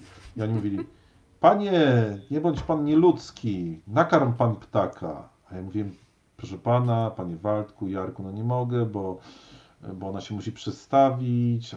Co pan gada? Ptak chce jeść. Pan nakarmi tego ptaka, bo on krzyczy, zrozpaczona, głodna.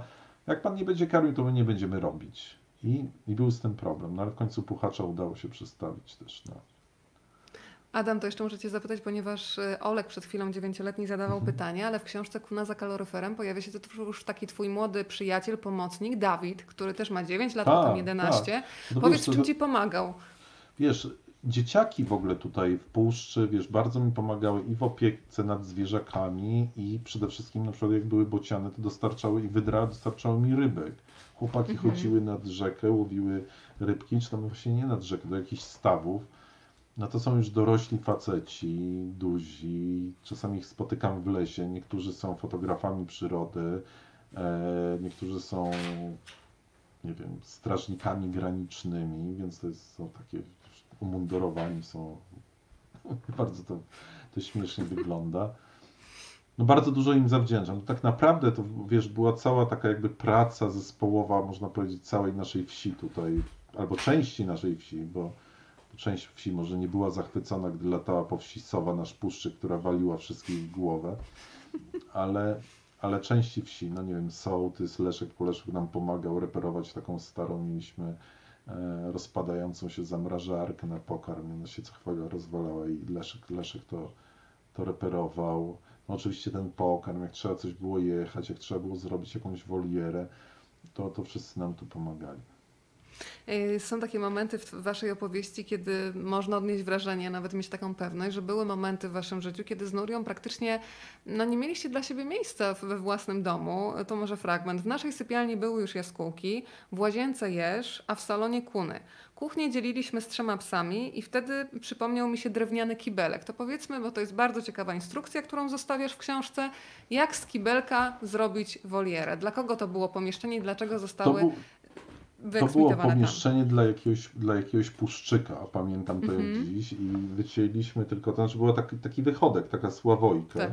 Myśmy ją przemieścili z tego, z tego dołu, nad którym zwykle stała i zrobiliśmy z niej tak na prędce, wycięliśmy szybko okienko, przybiliśmy siatkę i zrobiliśmy, zrobiliśmy z tego wolierę, ale ona nie za dobrze działała i, ta, i ten puszczyk trochę nam prysnął przed um, momentem właściwego wychowania, później go było trudno zachęcić do tego, żeby, żeby wrócił.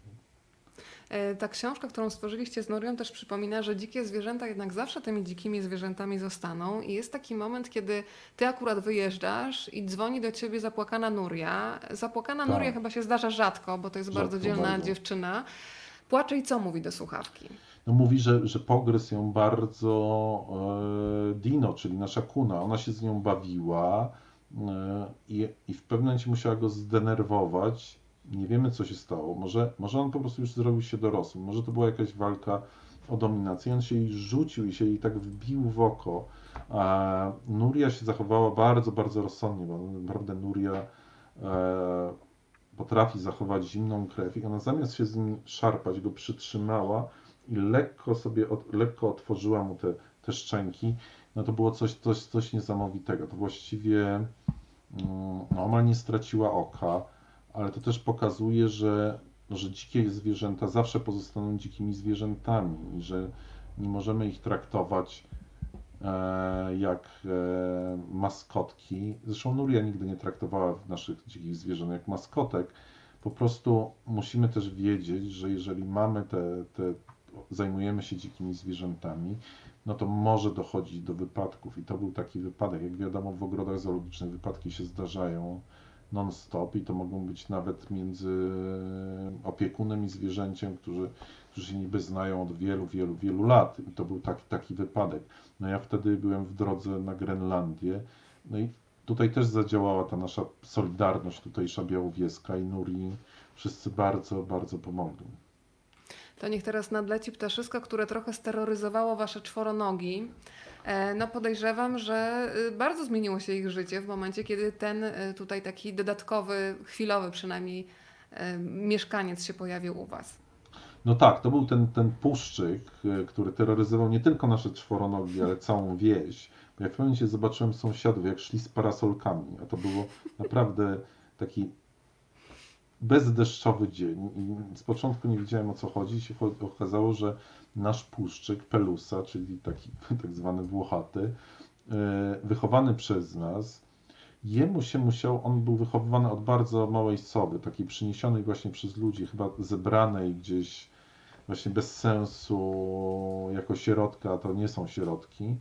I on był wychowywany od takiej małej, małej soby. E, I on sobie chyba wdrukował, że my i psy to jesteśmy inne puszczyki. I one mają jesienią, te młode, które się rozlatują i dorosłe ptaki ustalają taką hierarchię, jest taka walka o terytoria po prostu. No wtedy jest taki drugi szczyt aktywności gdzie należy się udać, aby pogłaskać lorkę? To jest bardzo, jeżeli to jest pytanie za 100 punktów, to ja już na nie odpowiadam. I zyskujesz. Teremiski, Teremiski 14, proszę bardzo. I tak mało to się marzenia spełniają, więc teraz Tak, wszystko zależy to- od pani, pani Sylwia. Tak, to co chwila ktoś przychodzi głaskać lorka. Dzisiaj, dzisiaj były dwie rodziny. No to Lolkę na razie jest- pokażemy dla jestem, Senatu. To, tak, to można. Jest Lolek tak, jest i czeka. lorek. I czeka. Oczywiście on teraz biega, biega sobie po podwórku. To pani Więc- Małgosia jeszcze. Ty skończ zdanie i Tak. kolejne pytanie będzie. Mhm. Czy myśmy się znali z Simoną Kosak? Tak, znaliśmy się. Znaliśmy A powiesz się. trochę więcej, jak ta znajomość wyglądała? Na początku by darliśmy koty o różne rzeczy, a później się bardzo przyjaźniliśmy. No Ale to, to ale to wiesz, to podsyciłeś apetyt teraz. O co darliście koty? Przynajmniej... Obada o badania nad wilkami, to znaczy, ym, znaczy Simona im się bardzo sprzeciwiła. Ja uważam, że były bardzo, bardzo potrzebne, bo dzięki nim ochroniono wilka i zresztą dalej tak, tak uważam. E, natomiast Simona uważa, że to jest męczenie zwierząt. No oczywiście wilki mogły mieć stres przy tym, czy, czy jakieś tego typu rzeczy, ale gdyby nie te dane z tych obróż telemetrycznych, to w życiu, wierzcie mi, w życiu wilk nie byłby chroniony w Polsce. E, Bo politycy mówili, nie, zaraz, ale co wy nam tam mówicie, że tam on zjada tyle i tyle jeleni, albo ma takie i takie terytorium. Jak tu przychodzą panowie myśliwi, a panowie myśliwi to wiadomo, to oni w lesie siedzą non-stop, to oni wiedzą lepiej. Więc gdyby nie te badania, to, to by wilk nie był chroniony, ale później Simona się genialnie zachowała przy rozpudzie, zresztą bardzo się lubiła z Nurią, więc jakby nasze e, napięte stosunki się bardzo polepszyły. To niech teraz nadleci jeszcze Ach, taki... i czekaj, jeszcze o tej sowie. No więc ta sowa latała. Dobra. Tak, ona wiesz, ona, ona, ona sobie wdrukowała, zaczęła walczyć o terytorium e, i, i po prostu wszystkich tłukła. I nasze psy bały się jak jakiegoś demona strasznego. No Bo tak ona, trochę wyglądała, no. nie, wiesz, to nawet chodziło o to, że ona, sowy mają, sowy latają idealnie cicho, mają taki meszek e, na, na, na piórach, mają taką tarkę, więc ona leci idealnie cicho. I Ona nadlatywała po prostu e, nie wiadomo skąd, taki strzał znikąd i trzask w dupę psa pazurami. One mają bardzo ostre pazury. I znikała. No więc one po prostu dostawały szału i w pewnym momencie, słuchajcie, w listopadzie, gdy dzień jest bardzo krótki, gdy zapadał zmrok, ja mogłem położyć najlepszą kiełbasę za drzwiami i żaden z naszych psów nie, nie wyszedł, bo ten demoniczny puszczyk się gdzieś tam czai. No, no to demoniczny puszczyk y, już odlatuje, natomiast przylatuje takie stworzonko, które wydaje się super sympatyczne, po prostu maska Zorro taka, natomiast donosisz o jego no to co najmniej takim dyskusyjnym zachowaniu. Oczywiście ono jest uzasadnione w świecie No nie, zwierząt, to ale jest- w życiu bym nie powiedziała, że to taka, taka przytulanka, nie? To jest, to jest młoda, młody dzierżba srokosz, to jest jeden z naszych dwóch srokoszy, jednego się nie udało uratować, który, z którym coś się stało, ja nie wiem, ja je znalazłem na drodze. E, No i to było przeciekawe, przeciekawy, to jest przeciekawy ptak, bo to są te ptaki, które nadziewają swoje ofiary na kolce. E, Bardzo ładnie się nam go udało wychować. Był u nas bardzo długo. Ja czasami przez wiele lat później miałem wrażenie, bo był taki srokosz tu w okolicy, który do, mnie podlatywał i się tak na mnie dziwnie patrzył, że to jest właśnie ten. E, przemądry ptaszysko. E, potrafił wyłudzać od nas kolejne myszki, które sobie gdzieś tam chował i ukrywał. E, naprawdę, naprawdę bardzo, bardzo fajny. Możecie te ptaki zobaczyć. Mm, Szczególnie zimą widać srokosze, bo to są wtedy jedyne dzierżby, które nie odlatują. E, I, pierwszym takim znakiem, że gdzieś są w okolicy, to są ponadziewane różnego rodzaju, nie albo gryzoni, albo owady na kolczaste, na kolczaste krzewy. E, Nasi słuchacze, ci najmłodsi, na pewno znają coś takiego jak jajki, jajka niespodzianki. E, Ty piszesz o takich dość nietypowych jajkach niespodziankach, które musieliście skonstruować, żeby trochę no, e, jakoś pogodzić się z sąsiadami. Mm, No bo tam ginęły kury, prawda? To powiedz trochę o tych jajkach Znaczy, niespodziankach. znaczy, To znaczy kury, kury nie ginęły y, jako kury, ale nasze Mhm. kuny bardzo szybko się zorientowały, że, że bardzo można wyjadać jajka wszystkie. I Mhm. myśmy naprawdę nie wiedzieli, co zrobić, jak je tego oduczyć. czy je zamknąć znowu do klatki, czy te kury jakoś zabezpieczyć. I nie wiedzieliśmy, co zrobić, i w końcu pomyśleliśmy sobie, że dobrze, trzeba jakoś wychować, e, wychować e, kuny. Wzięliśmy jajko, zrobiliśmy wydmuszkę, ten cały kogiel mogieł wylaliśmy, zmieszaliśmy z papryką chili i z pieprzem. Uch. Strzyknęliśmy z powrotem, zalaliśmy stearyną i te jajka rozłożyliśmy. Kilka nasze kuny spróbowały i już nigdy później nie próbowały żadnych jajek. E, to jest najlepsza nauka przez awersję pokarmową, żeby czegoś zwierzę nie tykało. Zastanawiam się, wiesz, czy rodzice, którzy mają już dość teraz takich pytań o coś słodkiego, jajka, niespodziankę, czy czasami się nie posuną, wiesz, do podobnych rozwiązań, żeby nie wiem, nie zniechęcić, nie wiem, to już pozostawiamy Państwu.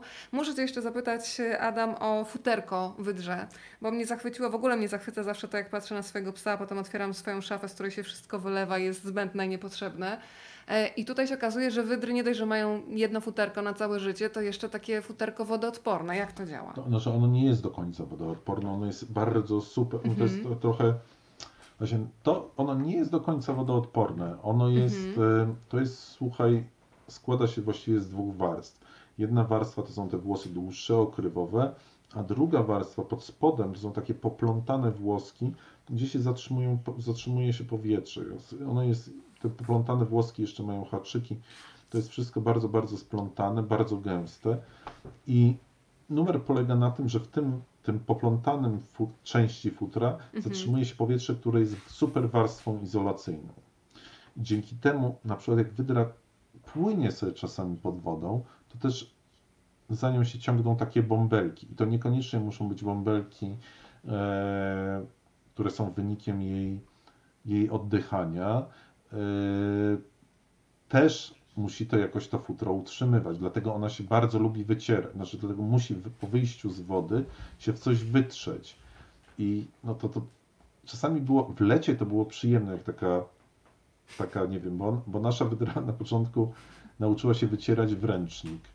I, co było dość logiczne. Później biegała, później biegała po domu, na przykład wysypywała ziemię z kwiatków i się wycierała w tej ziemi, bo ona w naturze się mhm. wycierają w glebie. Muszę powiedzieć, że na przykład latem, jak ona wskakiwała tak tutaj na kark, żeby się wytrzeć, to było przyjemne, ale jak wskakiwała zimą, to było strasznie nieprzyjemne.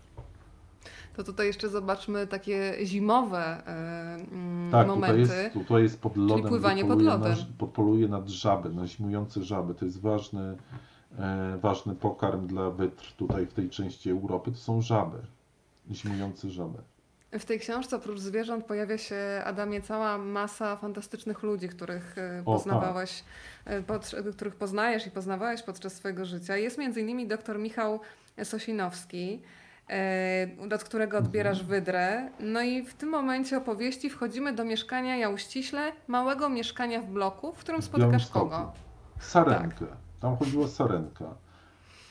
I to właściwie... Ile to mieszkanie miało metrów? Malutkie, ale, ale to uwierz mi, że przy mieszkaniu Jerzego Desselbergera to Czyli było pana nic. od ptaków. Pana od to opowiedz, ptaków. jak wyglądał y, mieszkanie pana Jerzego, Więc a jak mieszkało pan, pan mieszkanie pan, pana Michała. Pan, e, pan Desselberger mieszkał e, w takich blokach, bodajże to Chełmska jest przy Chełmskiej, a może nie, mhm. Czerniakowskiej. Czer, okay. Czerniakowskiej. Malutkie mieszkanko ze swoją e, partnerką, panią Krystyną Rogaczewską. I jak się przychodziło do pana Desselbergera, to on dzwoniło się albo pukało, już nie pamiętam, ale długo, długo, długo się bardzo czekało, bo on musiał oczyścić cały przedpokój z tych ptaków, które latały po jego mieszkaniu. Później się wchodziło do tego przedpokoju i się po prostu znajdowało w jednym pomieszczeniu były pomieszczenia z klatkami, gdzie były takie ptaki, które wymagają rehabilitacji, ale w drugim te ptaki latały wolno. Na przykład i się wchodziło i na przykład, nie wiem, kos miał gniazdo między szóstym a siódmym tomem encyklopedii powszechnej. Y, patrzę na niego, wiesz, na, na, na tym siedzą gile, statko gili i ja myślę sobie, Boże, on jakieś wypchane gile, bo on tak w bezruchu, on do tych mhm. rysunków, do znaczków, one w pewnym momencie się zrywają do lotu, gdzieś tam lecą. Wielkie kuwety z jakimiś mchami, trawą, żeby te różne dziwne ptaki się nauczyły grzebać, szukać drżownic, czy cokolwiek, czy cokolwiek takiego. e, łóżko pana Jerzego i pani Krystyny przykryte wielką ceratą, bo wiadomo jak wygląda i zapewne ta cerata była na noc ściągana. To, to, było, to było wstrząsające. Ale powiedz, no, no to muszę zapytać, jak wyglądały relacje sąsiedzkie pana Jerzego, bo to, że ktoś to ma u siebie w mieszkaniu, to Wiesz co, nie mam spokojnie. pojęcia. Ja myślę, ja myślę, że te ptaki nie były uciążliwe. One myślę, że gdzieś tam Mhm. sobie śpiewały. Może on miał, on miał siatki, wiesz, w oknach. Mm, I, i nie, myślę, że nie. On, wiesz tylko też, też on był niezwykle rozsądny człowiek i kiedy, mm, kiedy on nic nie robił na siłę i kiedy powstał azyl w zoo, on te ptaki zaczął przekazywać, przekazywać, przekazywać i właściwie już pod koniec życia miał ich bardzo mało albo prawie w ogóle. To z tego mieszkania pana Jerzego przenosimy się do pana Michała i chcesz mi powiedzieć, że sarenka w malutkim mieszkaniu to już w ogóle jest luz. Nie, oczywiście ja nie jestem za tym, tylko że to też pokazuje partyzanckość tych czasów, tak? To Tak. znaczy jakby tu sarenka w mieszkaniu, tu wydra w wannie, tu bocian w kuchni, tu coś, tu szmoś. To jest wszystko bardzo, bardzo romantyczne. Ja, wiesz, jakby mm, ta książka jest trochę też o tym, natomiast ja, by, ja bardzo bym nie chciał powrotu do tych czasów i bardzo tego nie polecam. I e, uważam, że przede wszystkim dobro zwierzęcia musi być pierwsze. Wtedy nie było innych możliwości, żeby im pomagać. Inaczej em, teraz takie możliwości są i są te profesjonalne właśnie ośrodki rehabilitacji, jest, jest azyl dla ptaków przy warszawskim ogrodzie zoologicznym, no tam po prostu oni mają cały szereg. Wiesz, to nie jest tak, że nie wiem, przychodzi, dostają jakieś małe zwierzę, małego ptaka i raptem z rozwianym włosem zaczynają biegać tak jak ja e, i e, szukać pokarmu, mleka zastępczego, e, jakichś pędraków albo czegoś, bo oni to wszystko mają na miejscu, wiedzą jak się, jak się to robi, mają, ponieważ to są tysiące ptaków, tysiące zwierząt, więc mają gigantyczne doświadczenie. No i takim ludziom warto pomagać. Jeżeli chcemy pracować ze zwierzętami, to pracujmy w takich instytucjach i to jest wtedy, wtedy to ma sens. Pani Sylwia, tegoroczne wakacje spędzaliśmy w okolicach rzeki Krutyni. Czy pan Adam, e, e, tak, czy, e, czy obserwowałeś kiedyś przyrodę płynąc na kajaku? A No jeśli ja tak, to jakie były Mhm. twoje wrażenia? Ja powiem tak, to znaczy Krutynia jest podobno strasznie zatłoczona. Ja teraz płynąłem e, w Szczebrzeszynie e, Wieprzem e, i poza takim małym kawałkiem, gdzie skręciliśmy e, z koleżanką Olgą, bo nam przedtem pokazał tą drogę i zauważyłem, że tam skręca Grzegorz Kazdepkę,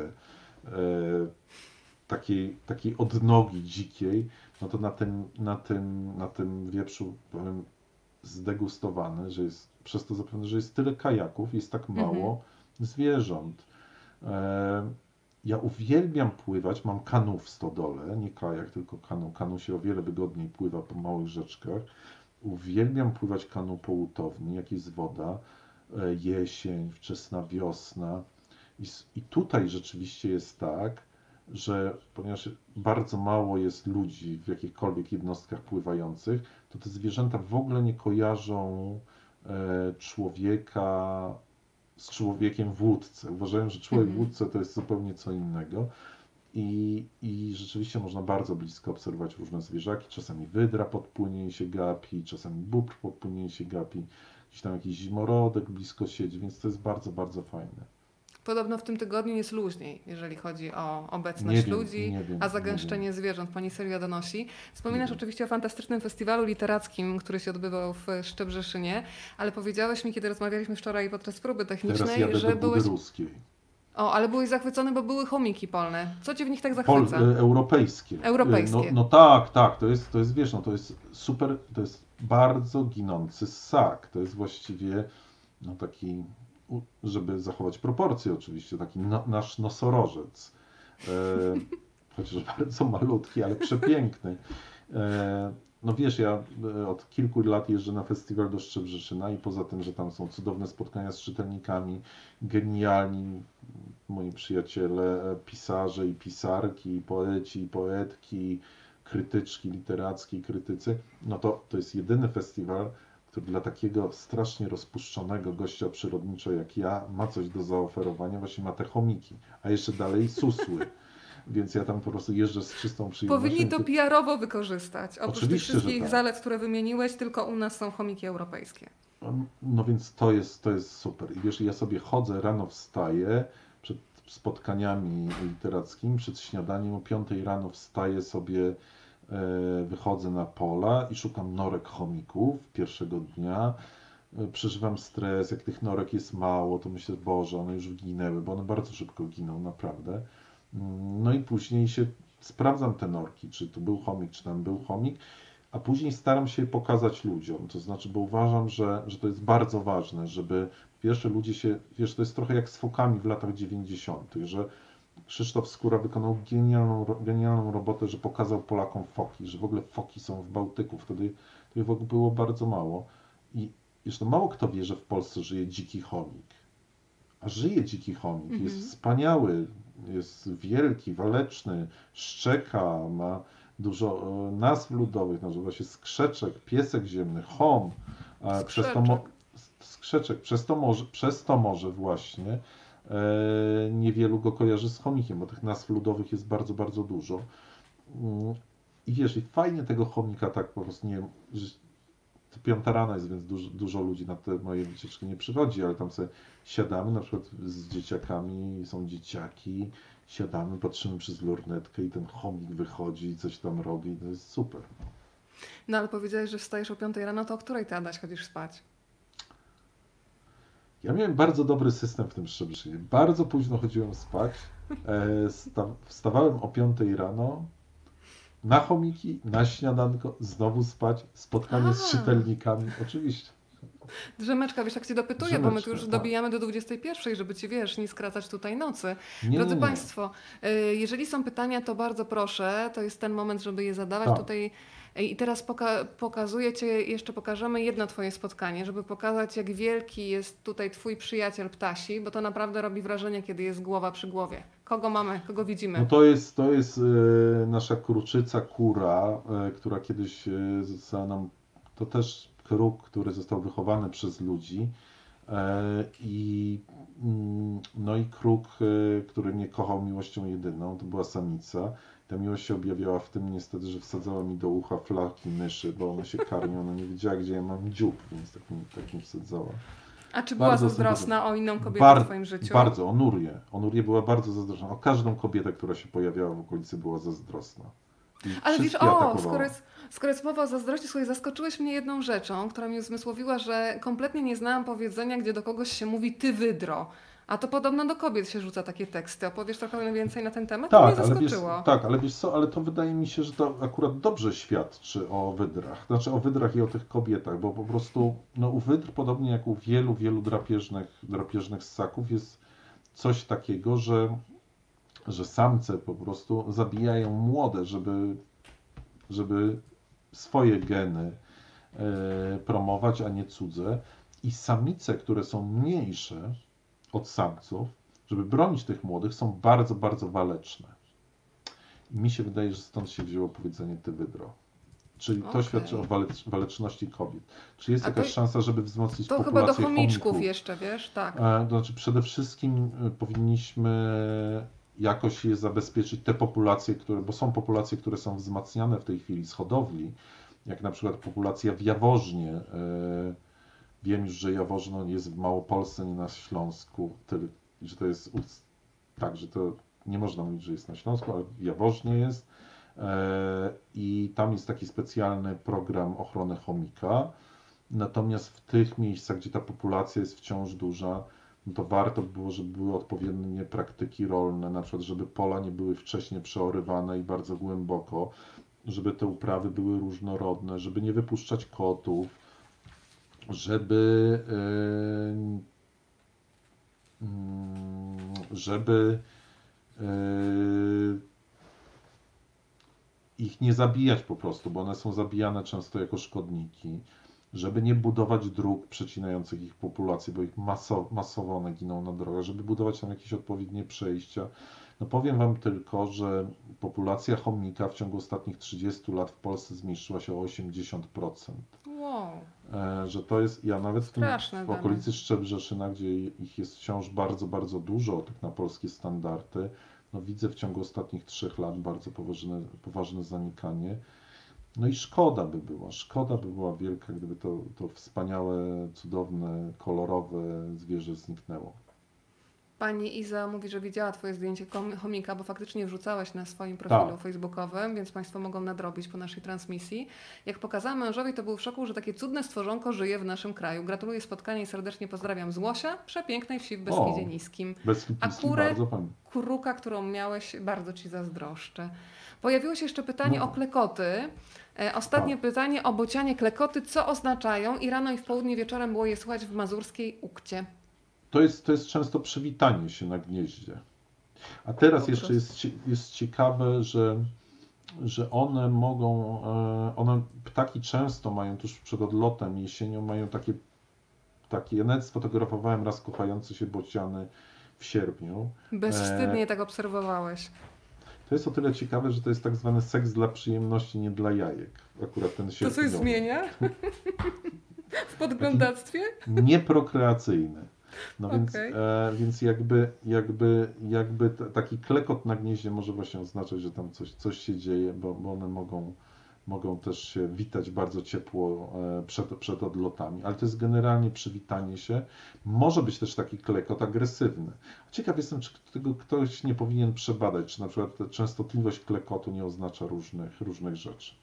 Ja Cię muszę, Adaś, jeszcze o coś zapytać, ponieważ e, napisałeś w książce Kuna za kaloryferem o tym, jakie dźwięki wydawał e, Julek, myślę o wydrze. I co innego, kiedy się je czyta, a co innego, kiedy je się usłyszy. Więc ja teraz Mhm. się zamieniam w słuch i powiedz coś po wydrzemu, proszę. One robią tak. I, on, I naprawdę wierzcie mi, że wydry na takie coś przychodzą, bo z kilkoma wydrami. Ja nie wiem, co to oznacza po wydrzemu. Może to oznacza e, nie wiem, co się ze mną dzieje, ratunku, albo uciekaj z mojej rzeki, albo bełkot jakiś kompletny. Na, na pewno bełkot. I, e, ale tak czy inaczej wzbudza zainteresowanie, więc bardzo często wydry dzikie na przykład przychodziły na takie Przysięgam i muszę Ci się do tego przyznać, że wytnę sobie to w formie MP3. Jak będzie mi smutno, Proszę to będę bardzo. sobie Proszę e, wy, wydrze tutaj odgłosy ci, jak się spotkamy, to przynieś jakąś dobrą nagrywarkę, to ci to nagram. Dobra, to mam, jesteśmy umówieni. Będę się Tak. potem dzielić z innymi oczywiście, bo to wiesz, Oczywiście. potem będzie podwójna radość. Zrobimy z tego open source. Umówieni.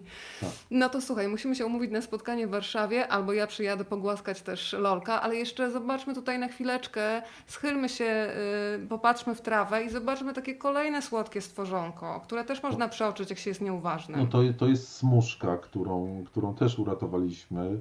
Jedno z ostatnich naszych zwierząt. Ja jechałem wtedy na rowerze i taka po prostu mała taka smuszka, biedna, zabiedzona, z zapadniętymi oczkami, bo ona była bardzo odwodniona, przy, wyszła mi na drogę i e, o, przepraszam, pana domu wiosną na 515 km rzeki na obserwację czarnego bociana, ziemorodków, czapli, żuroi, bobrów, Odrze. No pewnie, A Magda tak. jest cudownym człowiekiem, to od razu trzeba jechać. O, dobrze, ale wiosną to ja mogę robić inne rzeczy. Ale Odra jest, dzika Odra jest, wiem, że jest super, tak. I to jest, to jest smuszka, e, taki wspinający się, wspinający się po różnych badylach gryzoń. To jeszcze pytanie o Julka. Czy zdradzi Pan dalsze losy Julka, czy udało się go odwiedzić? Czy odsyłamy Myśmy do nie, książki? Myśmy, myśmy nie chcieli go odwiedzać, bo to było dla nas bardzo ciężkie i dla niego chyba też. Mm, I on dożył swoich lat w takim ogrodzie niemieckim e, w Bawarii. Nie miał, nie miał młodych, nie miał dzieci, chociaż do końca nie jestem pewien. On nie miał dzieci z narewką, a jak spojrzałem sobie na witrynę, bo napisałem do tego ogrodu w sprawie Julka, oni niestety nie odpowiedzieli, ja tylko wiem od strony holenderskiej, że tam był przykazany. Ale jak sobie spojrzałem na witrynę tego ogrodu, to wszystkie te wydry, które tam były, były strasznie do niego podobne z pyska. A uwierzcie mi, one się różnią. Więc może tam się na, nabawił jakichś dzieci. I gdyby ci nagrali dźwięki, jakie te wydry wydają, to można by było jeszcze lepiej słuchaj, Oj, nie podejść do sprawy i zidentyfikować. Ale słuchaj, wydry naprawdę zmieniają życie. Pani Iza pisze, że przeprowadziła się w Beskid Niski dzięki temu, że w rzece Ropa w Łosie zobaczyłam tak. rodzinę wydr. Zakochałam się i Nie, no, uciekłam z słuchajcie, bo Łodzi. nie, słuchajcie, nie ma nic naprawdę fajniejszego niż obserwowanie wydr, e, rodzinek bawiących się. To jest, to jest po prostu coś genialnego. No świetnym terenem jest Biebrza, gdzie tylko musi zamarznąć dobrze i wydry bawiące się na lodzie to jest, a coś, ach nie, ja teraz wydry widziałem bawiące się w Yellowstone na lodzie. No ale to trochę dalej niż Biebrza. Słuchaj, mówiłam, że będziesz miał fantastyczne właściwości powodujące to, to swoje nagrania z wydrą. Pani Iza napisała, tego się nie odsłyszy, jak mówi wydra. Uśmiałam się jak norka, proszę. No tak. Tutaj od wydry do norki można Do szybko norki. przeskoczyć. I jeszcze pan Piotr do nas y, pisze. Pana mądrość i poczucie humoru zawsze mnie rozbrawia. Jaką najcenniejszą rzecz odkrył pan w sobie dzięki przyrodzie? Bardzo ciekawe pytanie, Adam. Dystans, dystans do siebie. Dystans do siebie i cierpliwość. Trzeba mieć duży dystans do siebie. To słuchajcie, mamy ostatnie 5 minut, więc jeżeli ktoś ma Eee. jakieś pytanie, go jeszcze gnębi, to dajcie znać. O jakiej porze roku najbardziej polecam panu widzenie puszczy? Gdy jest zimno. Czyli tak mniej więcej od, jak się zacznie robić chłodno, od listopada do połowy kwietnia. Przy czym e, no w listopadzie jest trochę marnie, bo jest krótki dzień, ale teraz będzie nas czekać rykowisko. Co wilczycy, którą, e, którą nagrałem, nie wiem, nie wiem, ale myślę, że zaraz gdzieś tu w okolicy będą, albo już chodzą jej młode na nową książkę. O żubrach nie, będzie o Arktyce. Ja piszę teraz Kiedy? książkę o Arktyce. Będzie jak Kiedy? napiszę. A, tak, czyli Ale to, co wyczekane, bardzo- dużo bardziej smakuje. Tak. A o żubrach też będzie w planach może kiedyś. Czyli plan jest taki, najpierw Arkt- Arktyka, potem żubry. Wszystko w swojej... Najpierw swoim Arktyka, czasie. a później chciałbym napisać książkę o lesie. A czy będzie współautorka, czy teraz samodzielnie pracujecie? No teraz ja piszę samodzielnie, e, ale powiem, zdradzę Państwu, że, mm, że jest zrobiony wywiad Rzeka z Nurią. Cudownie. Tak. Mhm. Ja A nie jest robiony, to znaczy, że kiedy będziemy mogli go dostać? A ja nie wiem. Ja nie wiem, Nie wiem, nie w orientuję ogóle- się, zarobiony nie, jestem. nie wtrącam się w sprawy Nurii. No ale sama świadomość, że już jest na co czekać. Tak. Mhm. To już jest, jest y, bardzo dobre. Ostatnie pytanie ode mnie. Jeżeli ktoś z Tak. Państwa ma jeszcze ochotę, to proszę. O, jeszcze Pan przede mną, Pan Marek wskoczył.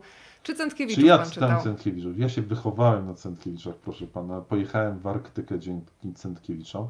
No oczywiście trochę, trochę mi się później posypały te bity, bo się okazało, że to dużo rzeczy nieprawda, naciągnięte i ten Cętkiewicz nie był taki święty i spotykałem ludzi, którzy, no, można powiedzieć, troszkę nie mieli za nim, za dobrej, za dobrej opinii. Tak, ale wydaje mi się, że wie pan, Cętkiewiczów czytałem i zresztą moja pierwsza taka prawdziwie polarna wyprawa.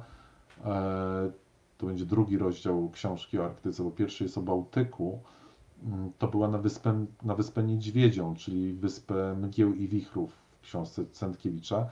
Wyspę, gdzie była pierwsza, pierwsza polska polarna wyprawa. Właśnie Cęt, Cętkiewicz i Siedlecki tam pojechali. To Adam, ostatnie moje pytanie. Gdybyś miał siebie porównać do jakiegoś ze zwierzaków opisywanych w książce lub nie, to z kim by ci było najbardziej po drodze? Z kim byś się utożsamiał? No wiesz co, ja ca- zawsze mówię, że ja bardzo lubię kruki. E, Teraz byłem w Yellowstone i tam są takie robione badania nad krukami i e, jest, ludzie się, naukowcy się zastanawiają, czy kruki, e, czy kruki obserwują wilki, czy latają za wilkami specjalnie, żeby znaleźć ich ofiary. I byłem na takim spotkaniu i taki stary strażnik wstał i powiedział, mi się wydaje, że kruki obserwują wszystkich. Więc mi się to bardzo podoba z mojego punktu widzenia dziennikarskiego. Wielki brat patrzy. Tak, wielki brat patrzy, tak. Kiedyś powiedział mi ktoś, słuchaj, w liceum i do dzisiaj w sumie nie wiem, czy to była obraza, czy komplement, że ona wygląda jak nutria. Co ja mam sobie myśleć po latach? Nutrie są w porządku, ale pomyśl, że nutria po hiszpańsku to jest wydra. To W naprawdę nie jest przypadkowe. Tak. No to słuchaj, na finał jeszcze pokażę najwspanialszą dziewczynę świata, na pewno twojego świata, tak, prawda? Czyli Nuria Selva Fernandez. Y, Razem teraz u Państwa jesteśmy w domu. Uściska ją najmocniej, jak będziecie rozmawiać Uściskam, y, przez telefon. rozmawiać. A jak y, będzie już na miejscu, to jeszcze podwójnie. Bardzo Ci dziękuję. Bardzo Ci dziękuję, bardzo Państwu dziękuję i do usłyszenia. I kuna za kaloryferem. Kuna za Wydanie kaloryferem, kolejne, poszerzone. Czeka na Tak. Państwa domy i czułe ręce, czułe Tak, oczy. jest tam rozdział o orzesznicy. Możemy Orzesznica. pokazać orzesznicę na koniec. Oczywiście, że możemy. Pan ma życzenie. Ja tutaj spełniam wszystkie życzenia. Proszę już bardzo. szukam orzesznicy. Mam nadzieję tylko, że dobrze tutaj. Dobrze, już rozpoznałam orzesznicę. Tadam. Proszę Taki bardzo, to jest mały. orzesznica. I o niej jest dodany rozdział. To dziękuję bardzo. Bardzo widzenia. dziękuję i pozdrowienia dla słyszalnego tam od czasu do czasu jeszcze Lolka. Tak. Adam Wajrak był Do dzisiaj razem z widzenia. nami. Dziękuję, bardzo. Ci bardzo. Dziękuję, do widzenia.